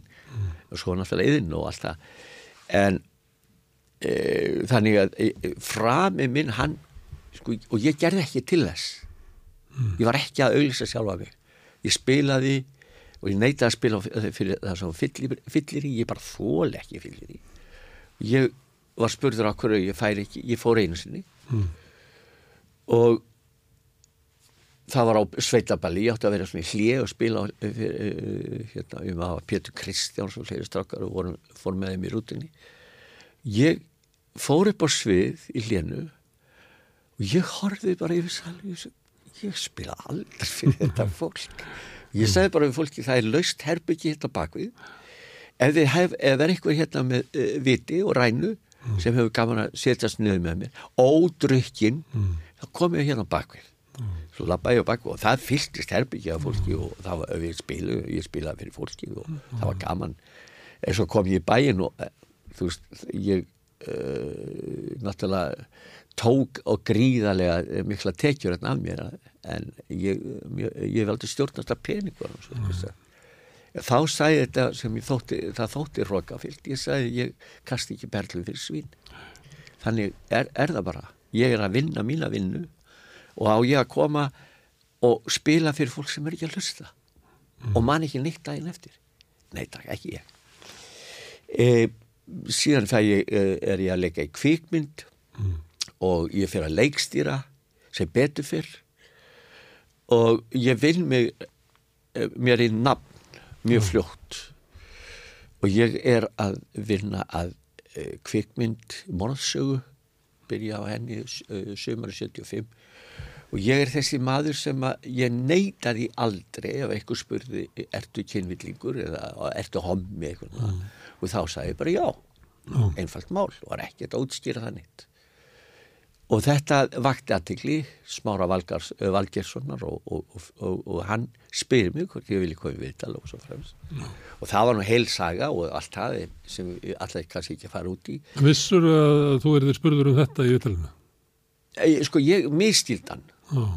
Hans, ég, ég tók það sem hann væri að vinna að efni um homma. Mm. og ég fór heim til hans og, og, og, uh, og svo, svo talaði svona bulla við hann sko um hitt og þetta. Og hann tekur þetta allt upp. Þetta var svona bakgrunnsupplýsingar. Ég uh, tók mm. þannig í það. Og en svo er, segir hann við mig sko þetta er allt tekið upp. Mm. nú? Og ég, man, ég var svona ég, ég segi ekki, ég hef reyðst þetta var mér fast að svona frekka lúalegt en ok, ég fór heim og svo hafði ég samt uh, hugsaði mig vel um. Mm. uh, hafði svo samband við uh, smára og við hittumst einu sinni eða tvís og ég sá hann sko við skulum vinna gott viðtal. Ég er ekkert hrættur við þetta. Mm. en þetta sem við þessi, þetta sem hún tókst upp er ekki nógu gott. Mm. en og hann lofaði mig því en svo fóru leikar öðrust þetta. Ég var komin á kafi í, í, í kvikmynd og hafði mikið ég, við byrjum að vinna fjög, fimm á mótnana og þetta var eh, mikið álag og einhvern veginn glemdi þessu viðtali svo er eitt mándagsmorgun eh, eða eh, rétt eftir verslumanhelgi þá, þá er ég að koma inn í verslun að, að betla fyrir kvikmyndina fá lánu hljómtæki og svona mm. og þá kemur á mótið mér verslunamæður og segja mikið rosa þetta gott framtakki að þeirra hörgur mm. það sem þú ert að gera fyrir ykkur ég hvað? Ég hafi tekið eftir upp bankastræti að fólk var að snúa sér sem að við og horfa á mig. Ég, ég var ekki alveg að kvækja á perinu og þá var þetta viðtal komið sem sagt út. Og ég hafði ekki hugmyndu og ég eftir axlum bara, ég var ekkert stressaður yfir þessu og hugsaði kannski slæði þetta og svona. Þú hefði viljað gera viðtalið betur Já, já, og mm. við, eh, við, eh, við vorum bara að tala um að gera það betur, vinna þetta betur. Það fór ekkur atbyrðar á sig kring þetta sem ég þekki. En viðbröðin hefðu orðið þau sömu þó að viðtali hefði verið öðruvísi. Já, já, já. Sko, það er hvað að segja svona fréttin sjálf var bara svo stór að já. þetta hafði aldrei verið gert áður á Íslandi. Nei, það er engin staðið fram og sagt ég er hommi. Það, það var búið að tala um og skrifa um og helvítist kynvillingarna og kynvillingaparti mm. og ég veit ekki hvað og hvað mm. en þetta er 1. ágúst 1975 og ég er heimsfrægur á Íslandi það veit, mm. það veit hver einasta mannist mm. hvernig ég lít út og, og það, ég var búin að vera í kvikmynd sem var gríðalega vinsal ég var tvísar að þrísar endur tekin hérna í sjófarpunni og fór út um allt Norðurland og ég fikk hrú aðdánabrið og ég veit ekki hvað hvað og mm, allt þetta gerir það sko ég er komin í stöðu sem að, sem að hérna mm, kannski meinti ég það og ég var ekki ég tók ekki nærið mér þannig ég sá ekki eftir því og, en ok hvað ger ég í þessu en svo er farið það sko, 1. ágúst 75 þá lokast bara alla dyr mm. ríkisútvarfi hættir að, mm. að spila uh, tónlistina mína mm. og það, það er sama hvað ég kom Þú sást það ekki fyrir að viðbröðin eru svona Nei, allt og sæl strákur Akkur heldur það að þú hefur ekki séð það fyrir af því að þú nöðst svona velgengni og aldrei voru svo ánæði með hörð torfa og... Ég, ég held að það er bara hugslunleysi, þetta var bara, mm. mér þótt þetta sjálfsagt, sjálfsagt, ég sá ekkert, foreldrar mín sá ekkert, þau báðu mig að fara varlega, þau margu eftir sagði það við mig, en ég, ég, það er engin yðrun, ég kannski hugsaði sem, sem svo þegar ég ger þetta þá kannski hætti fólk aðast í manni. Mm það var, það var alveg ofvett sko. og þú varst eiginlega strýpaður af öllu sem að þú hafðir gert já, já. þú varst bara eh, hörðu Torfarsson hommi já já mm. og það var eh, eina sem bjargaði mér var að ég hafði unnið með áhuga leikursum út á landi sérstaklega mm. leikfélaginu Ólarsvík mm. og ég átti þar bara tryggað vini mm. og ég, ég, það var aldrei ruggla á mér ekkert veð sem ég vann vel og allt það og það er þetta fólk sem bjarga mér þegar upp er staðið. Mm. því að ég tapa öll út á handunum mm. og uh, í ársbyrjun hérna, það var sérst litla þorpið sem að þekktiði persónulega sem að gatt þólaðig meðan að þetta stóra þorpið hérna í bænum það sem Já. er svona meiri fjalla það var gatt hérna átti yngum vandröð með að bara lokaðu öllum dyrum. Nei, en það er auðvitað sem að fólk heldur sko að það sé erfiðar að vera sko öðruvísi í þorpinu heldur en í borginni. En Reykjavík er kannski ekki borg á þessu tíma, hún er bara þorp. Já, þetta, sko, Íslandikar á þessum tíma, hvað voru 100.000 eða minna, Já, en, en hérna, já, já, en þetta var sko, það sem ég finn fljótlega út er ótti fólks.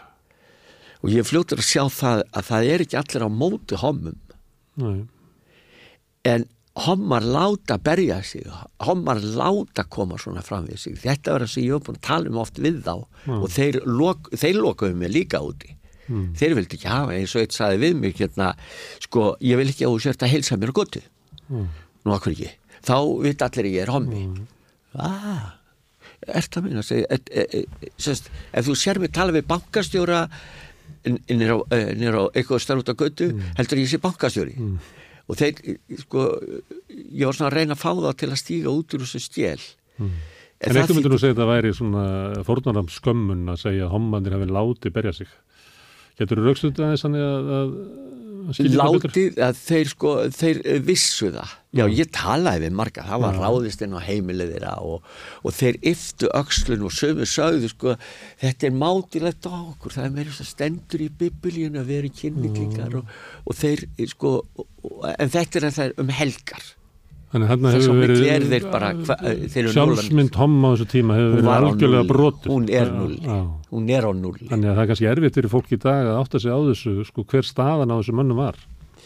Þeir eru verið fullir af sjálfshatri. Og... Já, þetta var svo algengt og það er, sko, þessi, þeir voru alltaf að keppast við að vera ekki hommar mm. og fela það svo duttu er í það sko, þá kom flöskudagurinn mm. og svo var leið í, og það var grátið í, í, í hásakott hvors annars mm. en svo er það með þessu viðtali mm. þá verður sprenging því ég upplifið það en það er fullt á ungum strákum mm. sem hafa samband við mig og ég kall mér og öllum allt í mm. þannig allt í hennu er til rödd sem, sem fer á móti þessu mm. og þá leinir, þá kemur það í ljós að það er fullt af strákum sem eru bara homor og sjáðu bara allt í lagi með mig það er svona meira unga fólki mm. hippakynsluðin við sem trúðum á, á, á hérna, frjálsár ástur mm. uh, þarna eru allt inn til fullt af strákum sem að sjá, eh, bara eins og ég sjá ekkert aðtöðanavertu að vera þess að þeir eru mm.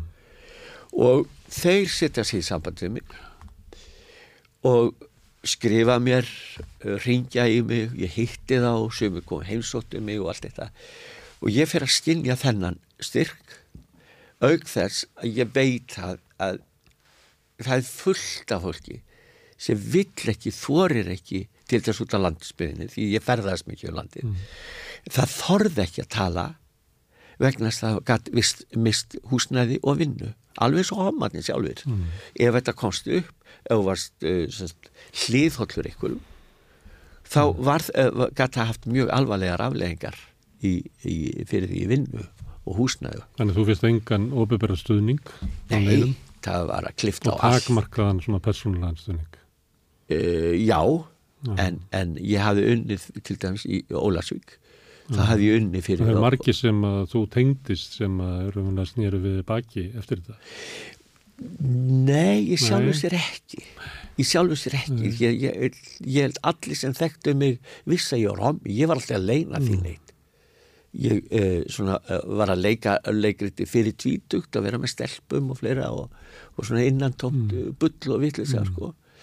en fljótlega um tvítugt þá er ég með þetta alveg á hreinu mm ég er ekki að auglýsa það og að Þú erður fyrir miklum árásum eftir að vitrið byrtist já, já, já, já, já, já. Og það voru ekkert svo margir sem að eh, reyndast standa fyrir spjótonum sem að voru beint að þeir Nei, nei, nei það, þetta var bara mitt mál. Ég fekk þau skýra skilabóð Þetta er náttúrulega ekki þitt mál, þetta er samfélagslegt mál. Þetta er samfélag, þannig sá ég það. En Það er aðrið svo ekki þannig. Þá er maður að gera sig grein það, þetta, þetta tekur svona, þetta tekur mig mörg ára átta mig á stöðu minni mm. og hvað ég geti gert ég, ég raun og veru þegar að, e, e, ég fer, fór í gegnum þetta allt þá var ég alltaf að býða eftir einhver annar gerð þetta mm þanga til ég átta mig á því það er bara ein mannustja sem getur gert þetta mm. og það er ég en þá er ég búin að uh, sagt, upplifa miklar árásir ég er hann algjörlega eignalus, ég átti ekkert mm. Stórskuldugur ég er 1,810 á hæð ég var hann 70 kíló var, það var ofborslega ítla með mig farið. Mm. og sennilega fór ég vest með sjálfa mig átta mikið alveg vel á stöðinni. En mér tókst með hjálp góðramanna að koma, koma mér til Kaupanafnar vorið 77 þar hafði ég leikt herbyggi í nokkur ár sem var mjög ódýrt ég komið þar fyrir og mamma mín átti heimaðar og sýsti mín. Og þá er ég svo langt neyri að, að ég ákvað að slúfa þessu bara. Þetta, þetta bara búið. Mm. og ég e, loka mig inn í eldhúsi sett gasfélagna á hafi keitt mér e, svona e, limbarsrúlur og er bara í róleitum að loka öllum gödum og svo allt í hennu lausnir í mig þessari hugsun að ég er á, á þetta er fimmhæða hús og ég er á miðhæðir að þegar að ég hefur loknast út af þá fer gasið kannski ekki starf út og það reykt allir og það, það þurft ekki náma einn lítið nýsta og húsið myndi springa í mm. tællur mm. og saklust fólk, mamma mín, sýsti mín, dóttir hennar, fólk vini mín í húsinu, allt geti farist út af sjálfsvorkunni mér. Mm. Ég reyf upp glukka og, og hörður og allt og, og, og fór bara út, mm. settist út í garð og ég man það í fyrsta skipt á æfinni þá fekk ég mig kaldan bjór að miðan degi. Mm. Ég, ég var bara í áfalli mm. og ég gerði mér þarna grein fyrir stöðu minni ég bara skilgreindi stöðu minna akkur er ég hérna, akkur er ég með þessi viðbröð hvað get ég gert hér er ég núna, hver er framtíðin, hver er fórtíðin mm. ég bara setti sjálf mig algjörlega niður og fór í langa lapitur þarna var ég fættur í þetta hlutur það var eina sem ég gætt gert að það var, ég, ég hafi val mm. ég get byrja nýtt leif eins og margir strákar sem ég þekkti þeir flúðu Ísland mm. og byrjuðu bara nýtt leif mm. Eða ég gæti farið tilbaka og byrja, klára það sem ég hafi byrjað á mm. það myndi engin annar að gera það og ok, ég ringi í Ólasvík og spyr hvort þið séu til að ráða mig sem leikstjóru um haustið. Já, það þýtti það, þeir lagði út fyrir flugmiðanum. Ég var með norskun strák, ég átti norskan kærast ég kynntist þarna á þessum tíma og ég segi hún frá þessu og þá hefur hans sambandi við Ísland, hann var mjög vel mentaður í, í hár, hár, hárkunstinni, mm. hann hafði sambandi Elsu í, í hérna, Glæsibæ og hann ræði sér til hennar og fær íbúð ég vissi ekki hvað ég átt að búa sko. mm. og við förum 1. september 77 til Íslands og ég er með eitt bara koma mm. saman bara til samtökunum mm. Og þetta ég er að fara ég er búin að vera undanfærið þrjú ára að vinna með háskóla bókasöfninu að gefa um allar heimildi sig á. Og ég er að lesa í gegnum þetta. Og á þessum tíma þá er það sem ég gerir mér grein fyrir hvernig, hvað þarf að gera.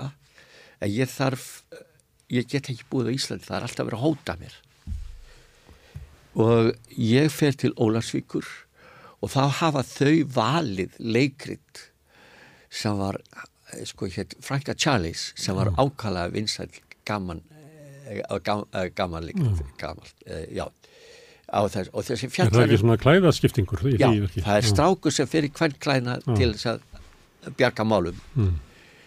og í hlutverki stráksins er maður sem hétt Ívar Steindorsson þekktur sjómaður Íbyggi Steindors kallaður já, já bráðskemmtilega náttúrulega. Bara með allra skemmtilegustu mönnum á já. landinu.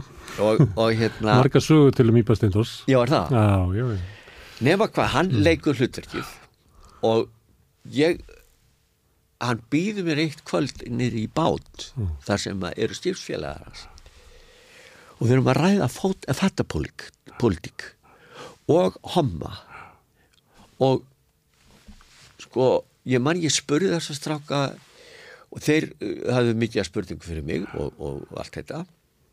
Og ég man alltaf að ég spurði þá straukar uh, uh, myndu þið sem sjómenn sigla eftir sjókorti frá árunni 2000 og það vakti þá daldi svona ég sagði þetta er sko þetta er svo gaman hlugsunáttur því kynvillingu þetta ekki gegnum biblíuna og hvernig menn nýta sér þetta mm.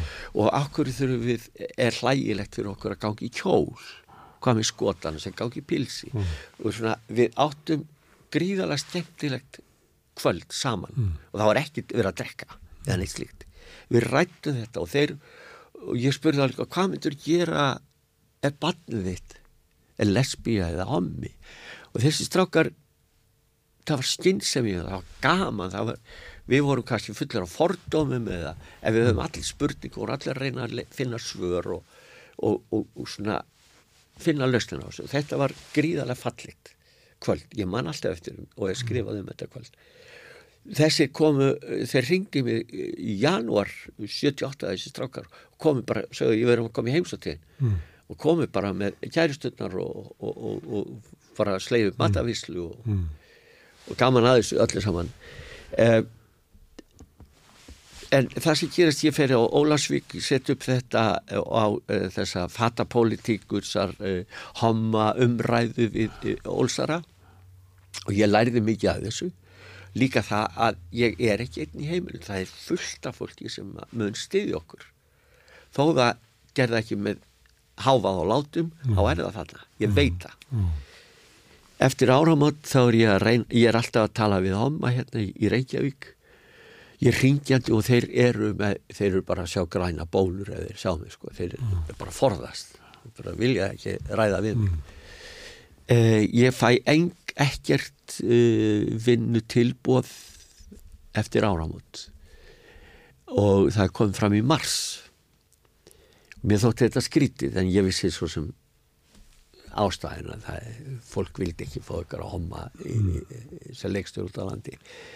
Nema þá ringir einn morgun þá ringir Símen og, og Helga Hjörvar hún ringir mig og segir við erum í vandlega það vant að leikstur eins og skot norður og akkur fyrir mentaskólan og það er bara til hálft handrit af leikrutinu en það, það verður að koma strax vegna þess að það er búið að panta leikusið og þetta er ákveðin dagur sem að hérna, þetta, þessi síng verður að fara fram.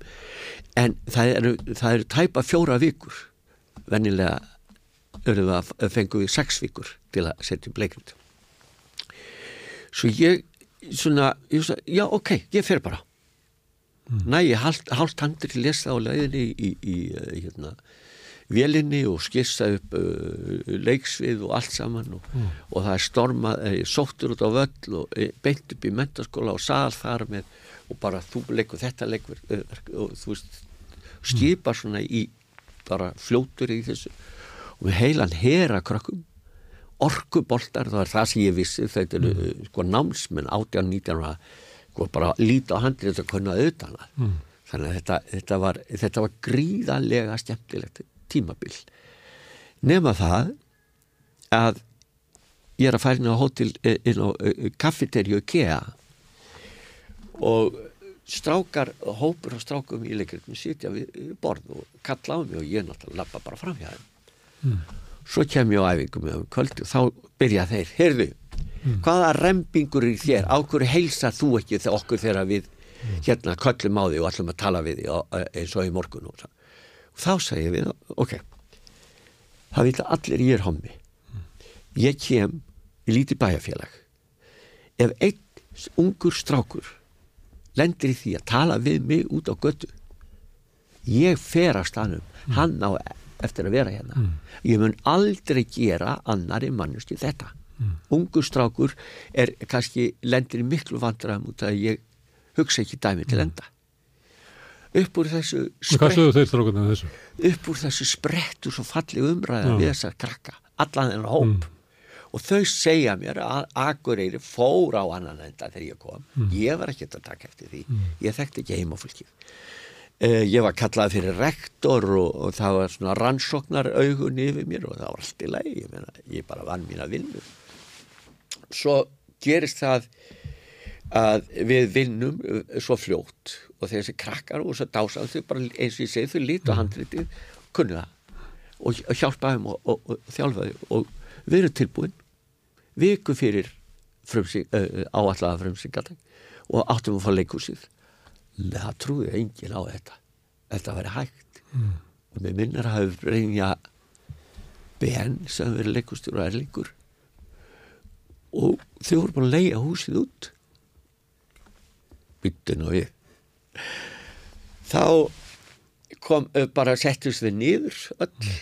og, og rættum máli hvernig við getum gætum gert og ég gerði bara vinnuplan og við uh, uh, þetta var og leikfélag Dalvíkur sem var með leiksingu og við bara byggðum þetta leiksingu og búin, hjálpaðum að taka saman byrjum að setja okkur á eftir og þetta var bara unnið marklist mm. mjög skipilega og stóðu á nákvæmlega sama tíma og áttum að gera mm. tilbúið, frumsýning, æðislega flott síning skemmtileg. En, en núna þú veit að segja mig frá stofnun 78 já, það og það er náttúrulega nafni kæftar því að það er stofnun 1978 já, það, en, en og við erum komin á halvt árið 1978 já, já. og þetta en sko þetta þessi atbyrðir með leikfélaginu Ólarsvík og á leikfélaginu á, á stjælingum og akkurir verða til þess að ég alltaf átta mig á því. Tanna er styrkurinn. Mm. ég legg í þetta. Ég verða að gera þetta. En hvernig ger ég það?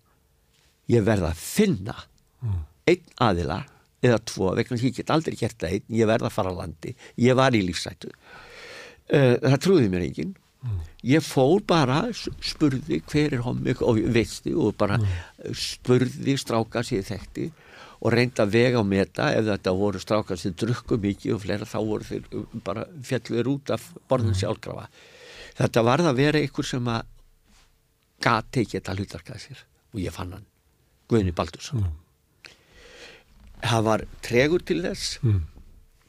en hann átti hann var fastræðan hjá ríkinu og átti sína eigin íbúð mm. og svo var hann að ströndum líka en mm. þá var hann að mál en, en hérna og skemmtilega svona venjulegu maður já og fastu fyrir já, já. og þegar ég ræði við hann já. þá kemur að ljósa að hafsjóra þekkingu á málefninu og, og, og hérna uh, hann var ekki, það, það tók langa tíma að fá hann til þess að taka það sér því að þetta var klárt mánu að eyrið erfitt mm. en mér tókst að, að eh, skrifaði bref og, og sendi út til 40 manna held ég um, um það bara mm. og, og þá þurftum maður náttúrulega eiga frímerkinu og postu og allt þetta en, en, og margir móðgúðust og, og bár því við að ég hef verið sett á í hættu ef einhver hefði opnað brefi til þeirra og svo framins en það mættu um 20 strákar mm. á undirbúinsfund og ég var í því að búa til spurningalista og beina að skipta hennir í, í, í hópa og, og fá svör og, reyna að byggja upp og það uh, alltaf hefði ekki tveir svona undirbúinsfund og að gera mig grein fyrir það það kemur aldrei neitt frá þeim mm. aldrei hvað get ég gert? Ég tók lög og reglugerði frá uh, samtökunum í Danmörku og þýtti það á íslensku mm. og vantarlega með það uh, fyrir augum að því er þið breytt mm. Velritaði þetta og ger, gekk frá þessu og afhendi Guðina og þessum strákum það komu tólf strákar minnum mig á stoppfundin mm. og samtökin urðu til og þetta og, og það er sko umræðan var að gera ekki háfaða, ekki láta alla að vita að þetta sé til þess að við yrðum vafalust tættir sundir að kirkjunni mm. kirkjunamönnum og, og, og agnar í boga sinni í mandagsblæðin og ég veit ekki hvað, hvað, allt þetta fólk e, þannig að við færum rólega í þetta mm. og stefnan þá sem við guðinni rættum um frá byrjun að það var að koma sér innan pólitíkusum, fá alþingi til að fjalla um þetta það, mm. sko við erum það sundraðar hópur að við erum að finna e, þingmenn sem var eitthvað hlýðhöll og skildu nöysið þess að við þyrstum verð mm. það var aðal það stefna lagalugum breytingum lagalugum rétti. Og veit okkur að við fengjum verð að við mm. þyrtum ekki upplifa það þegar að uh, sko var ráðist inn á heimil okkar sem kom fyrir oft. Mm. og allt sundi tætt að lagga sig ég, þið, þið verði ykkur sjálfur það er þið sem búið þetta til þetta er bara þið verðið eiga þetta ykkur sjálf. Laggan var aldrei að hjálpa okkur. Þetta er upphafið í þessu öllu saman. Tryggvi Rúnar Brynjólfsson hefur komið hingað og sagt hérna, hann held erindi um, um tvo hérna Eh, svona líkamsárósar og morðmál sem að beintust að, að homu þar sem kemur mjög vel fram sko að, að, að lauruglan beindi eða rannsóni mest af því hvað þeir eru gert af sér Já, eða, það, það, það var alltaf lítið þannig til okkar sko. Annar máli var 68 og hitt var 81 það sem að var Já, málið var 81 mm. en þetta og, var þetta er bara raunveruleiki sem maður getur bara skoðað í domskjölum og svona var þetta Já, svona var þetta. Þið voru sikir, þið voru sikir, alveg sama hvað var. Það var alveg sama, við vorum hverki, eh, það var, það var hverki, það var einnig sem hjálpa okkur. Mm. Og þess vegna, eh, sko, árið 78, ég fer úr landi, fyrsta júni og ég ákveði að ég var búin að sækja um, um leikstjóranám í, í Dramatíska institutið og fengi þar inni, gegn því að ég kemi til e, byggi eitt ári í Svíð og læriði sænsku vel. Uh, ég hætti við það, ég ákvað, ég var svo skuldum vafinn eftir morðsöguæfintýrið að ég réði mig í, í hérna, vinnu í Danmörku það var eh, vinna að fá vinnu. Ég var bara konu fætu klokka fjögur okkar í mótni og, og í nokkra mánuði. Þá hann ég fekk vinnu borgaði upp alla mína skuldir og kom mér vel fyrir. Var alltaf í sambandi við Guðna kom hérna til landsins. Þetta var, þetta fór svona þess að spyrjast út fyrir að ég var góðu leikstur ég vann vel, aldrei ruggla á mér ekkert fullir í, ekkert svona reyna við stráka og svona skandal þannig að þetta kemur svona hægt og rólega og, og fylgjast með uppbyggingu á samtökunum. Mm. það var mjög erfitt uh, láta guðin að fá peninga uh, til að við reyna að leia húsnæði hafa vorum með e, í garda, e, garðastrætinu svona kompu, ég kom nú aldrei þangað en, en ég talaði mikið við Helga e, mann Guðna og Guðna. Og bæði símleiðis og svo hittust ég þegar ég kom hérna til landsins og þetta, þetta sko ég reyni Íslandingurinn sem er stimplaður í bak og fyrir. Það er eitt strákur sem kom haustu 78 e, í uh, viðtalsþætti í sjónvarpunu hér Nonni, Nonni Ragnars. Mm. en e, þá var svo fáið sér þekktan og hann bara kvarf aftur. Það var uh, þannig að það var lítill en það var stöðningur í því að það, ég var ekki svo eini en það var náttúrulega vissið allir að það var til hommar alls þar mm. ég var aðal sögudólkurinn og það var um að gera En séðan koma fram, fram í nafni samtakana Það gerist, sko, mm. það, það byrjar að gerast upp úr 81 ja, og, og maður gera það sjálfur.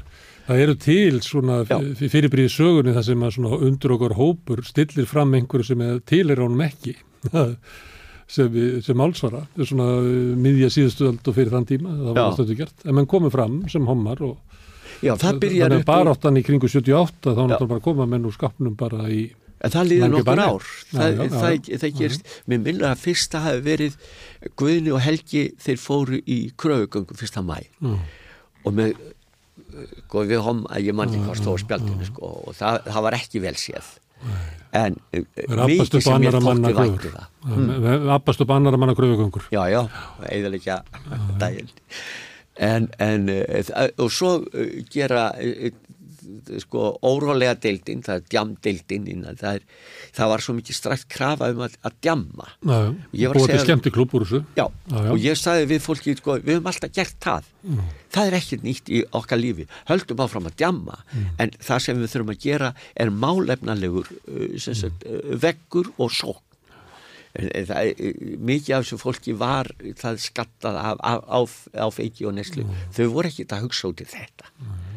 og þetta var þetta fylgdi samtökunum eiginlega strax það var ákveðin klíka svona, svona hópur uh, sem vann gegn okkur mm. uh, og við vorum alltaf í, í og, og það var ekki fyrir 94 sem tókst að reynsa þá út úr samtökunum mm og það var með tilkomu uh, Möggu Pálu ah. þegar hún kemur inn en Það hafði hópið náttúrulega líka gengið í gegnum sko bara stórkoslegar hörmungar í ja, tengstum við eitt sem að var náttúrulega og það voru, það voru sko það sem að fjell, fjellu bara fjöldi manna og hríðan og sorg og erfiðleikar sko. og, þannig að og, kannski, ég veit ekki hvort að setja að segja þetta sé eitthvað fallet við en, en þeir erfileikar að sko, samtökin kom einhvern veginn út úr þeim einhvern veginn eins og heil, heil, samtökin heilli sko. Skilu, það okay, já, er að vera með einhverja vittleysum sem menna við dáið í einhverju tilgangi, ég ætla ekki að fara alltaf því fram. Nei, nei. það, það gerist skil, eitthvað hugsun, undarlegt sem já, gerist þarna. Ég er að vinna að þessum málum í Danmörku. Og ég kom hingað til þess að uh, ég, í, ég fór í áfengismæðferð mm. 85, ég bý með manni sem er búin að rústa lífinu mínu. Mm ég er ekki allt í sjálfur. Ég fer inn í Al-Anon og ég á bara ekkert heim í þessu en, mm. en ég ákvaði að vera hérna og vinna með landlækjasembatinu ég gæti ekki unni með samtökunum vegna að það var svo mikil það var svo mikil olga, það var svo mikil reyði skiljalega en uh, sko ég uh, forðaðist einlega samtökin því að það, uh, það var svo mikil reyði og umræða og, og, og menn voru, voru að saminast þarna um baróttuna það var gott. Og ég fór beint til Ólas og Guðjóns Ólas landlæknis og, og Guðjóns og með hugmynd og saði þeim að, að ég vildi vinna með þeim og, og, og hvert þeir væri tilbúinir að, að hérna, láta mig fá pening. Eh, ég þekkti alnami suklinga í Damörgu og sérstaklega eitt strák sem ég hafði samband við og gerði uh, viðtal við hann ef landlæknisembættið borgaði brúsan og það var bara gert mm. ég gerði samning við Ísfilm og vann þar með tveim strákum held með utan við samtökin uh, vegna þess að það var svo mikið reyði það var svo erfitt að eiga við þá ég hefði alltaf komist en ég hefði bara niður sko. menn vildu ekki hafa mig ég var mm. að, að reyna að taka, taka völdin, völdin mm. og þá er þá sem ég fatta sko, ef maður er að leiða að fram ákveðin hóp þá er maður líka að hafa vita á því að draga sér tilbaka og leipa fólkinni gegn mm. þessa hur sem er eru opnað og e, þá sér maður sko ef ég hefði staði og ég ætla að vera fóringin og allt þetta mm. þá hefði þetta þá er ég bara að pressa þetta allt niður mm. aftur og það er þetta að kunna að stíga tilbaka vera ekki að setja sig í aðal hlutur þess vegna vann ég með land, landlækningsembættun ég skrifaði handrita kvikmynd ég gerði söngva og ég gerði þessa kvikmynd þetta viðtal við uh, Sævarheitin uh, uh, Guðnarsson mm. og þessi mynd var synd hérna í sjónvarpunum nokkur sinnum og, og, og, og vakti mikla umræðu. Ég held að hún veiti hvað veistu um alnæmi. En ég var orðin það langt leittur af, af sko ég gæti bara ekki tala, ég greið vinnum mínu voru alltaf að deyja. Mm. og e, það tóku við þetta, e, þessari mynd tóku að, aðrir aðilar. E, nýja bíu héttu hétt það fyrirtæki. Og kláruð þessa mynd. Ég dróð mig tilbaka ég fór aftur til Dammerkur og fór þar að vinna með Radio Rose sem var á vegum dansku samtakana en var alltaf með annan fótinn hérna að, að vinna í Jústof fyrir tónleikum í, Háskóla Bíó fyrsta DS ég man ekki hvað ár. Og fekk Bubba og, og, og Megas með mér. Mm. Þetta, þeir voru tæknir upp Freyrik og Þór tók þá upp. Mm. þeir vakti aðtikli ég fekk líka ákveði svona 85 þá held ég tónleika í Östubæðabí og það þá fekk ég náttúrulega alltaf þessi vennilega skilabói og ég var ekki að ykkur að gera svona og allt þetta. En tróðfylgdi Östubæðabíu mm. ferdu samalið og, og þá er einhvern veginn svona þá fann ég það, það ok, ég er á leiðin tilbaka Já, herðu að því ég byrjaði að tala um, um svona undan þetta viku. Já. Hvað er hérna að því að við erum búin að fara svo langt aftur sem er ekkit langt sko. Þetta er bara Þetta eru 48, þetta eru 50 ár.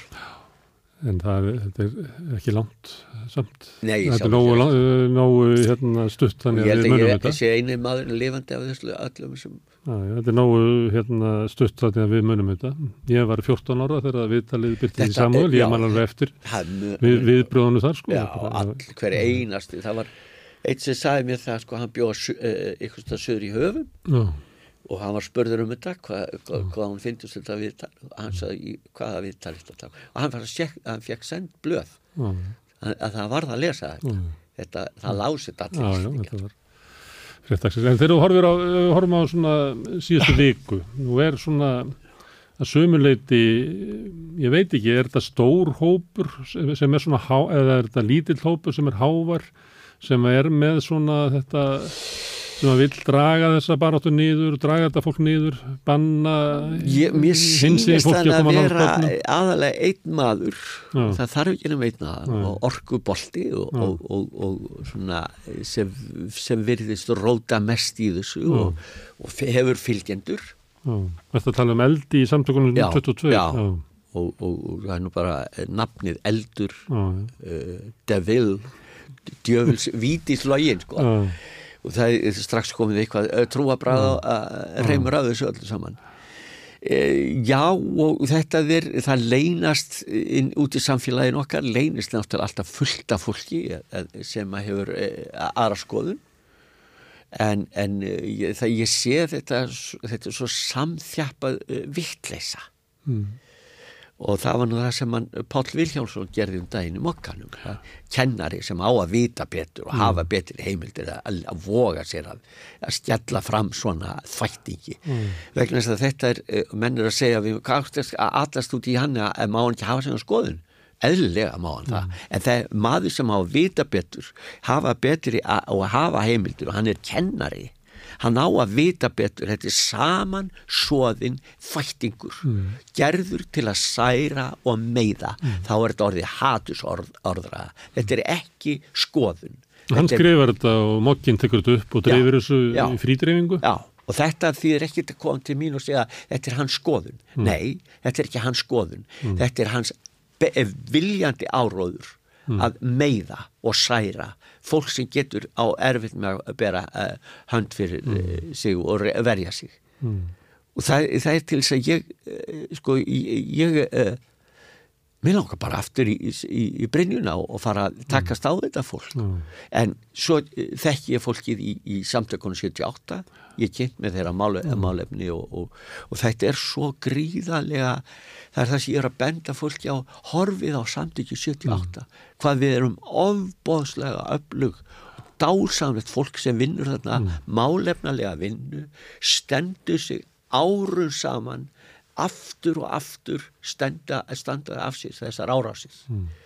Alltaf hæversk, alltaf róleg svara málefna og svo bara nennaði ekki að taka þátt í þessu ég skil það vel En hvað hérna, eh, samt lita þetta svolítið umræðuna bara út um allt í síðustu viku og en, þú þú segir þessi einn maður og svo þetta Pál Viljánsson og, Já, og svo- svo, lýsir þessu svolítið þannig það er, það, er upptaktur að þessu sko. Já. þetta En er búið að standa Þú lýsir svo þannig að þannig að sjá bakvið fólk sem erum vel ekkert að halda neinu fram heldur vill bara einhvern veginn í umræðinni meiða.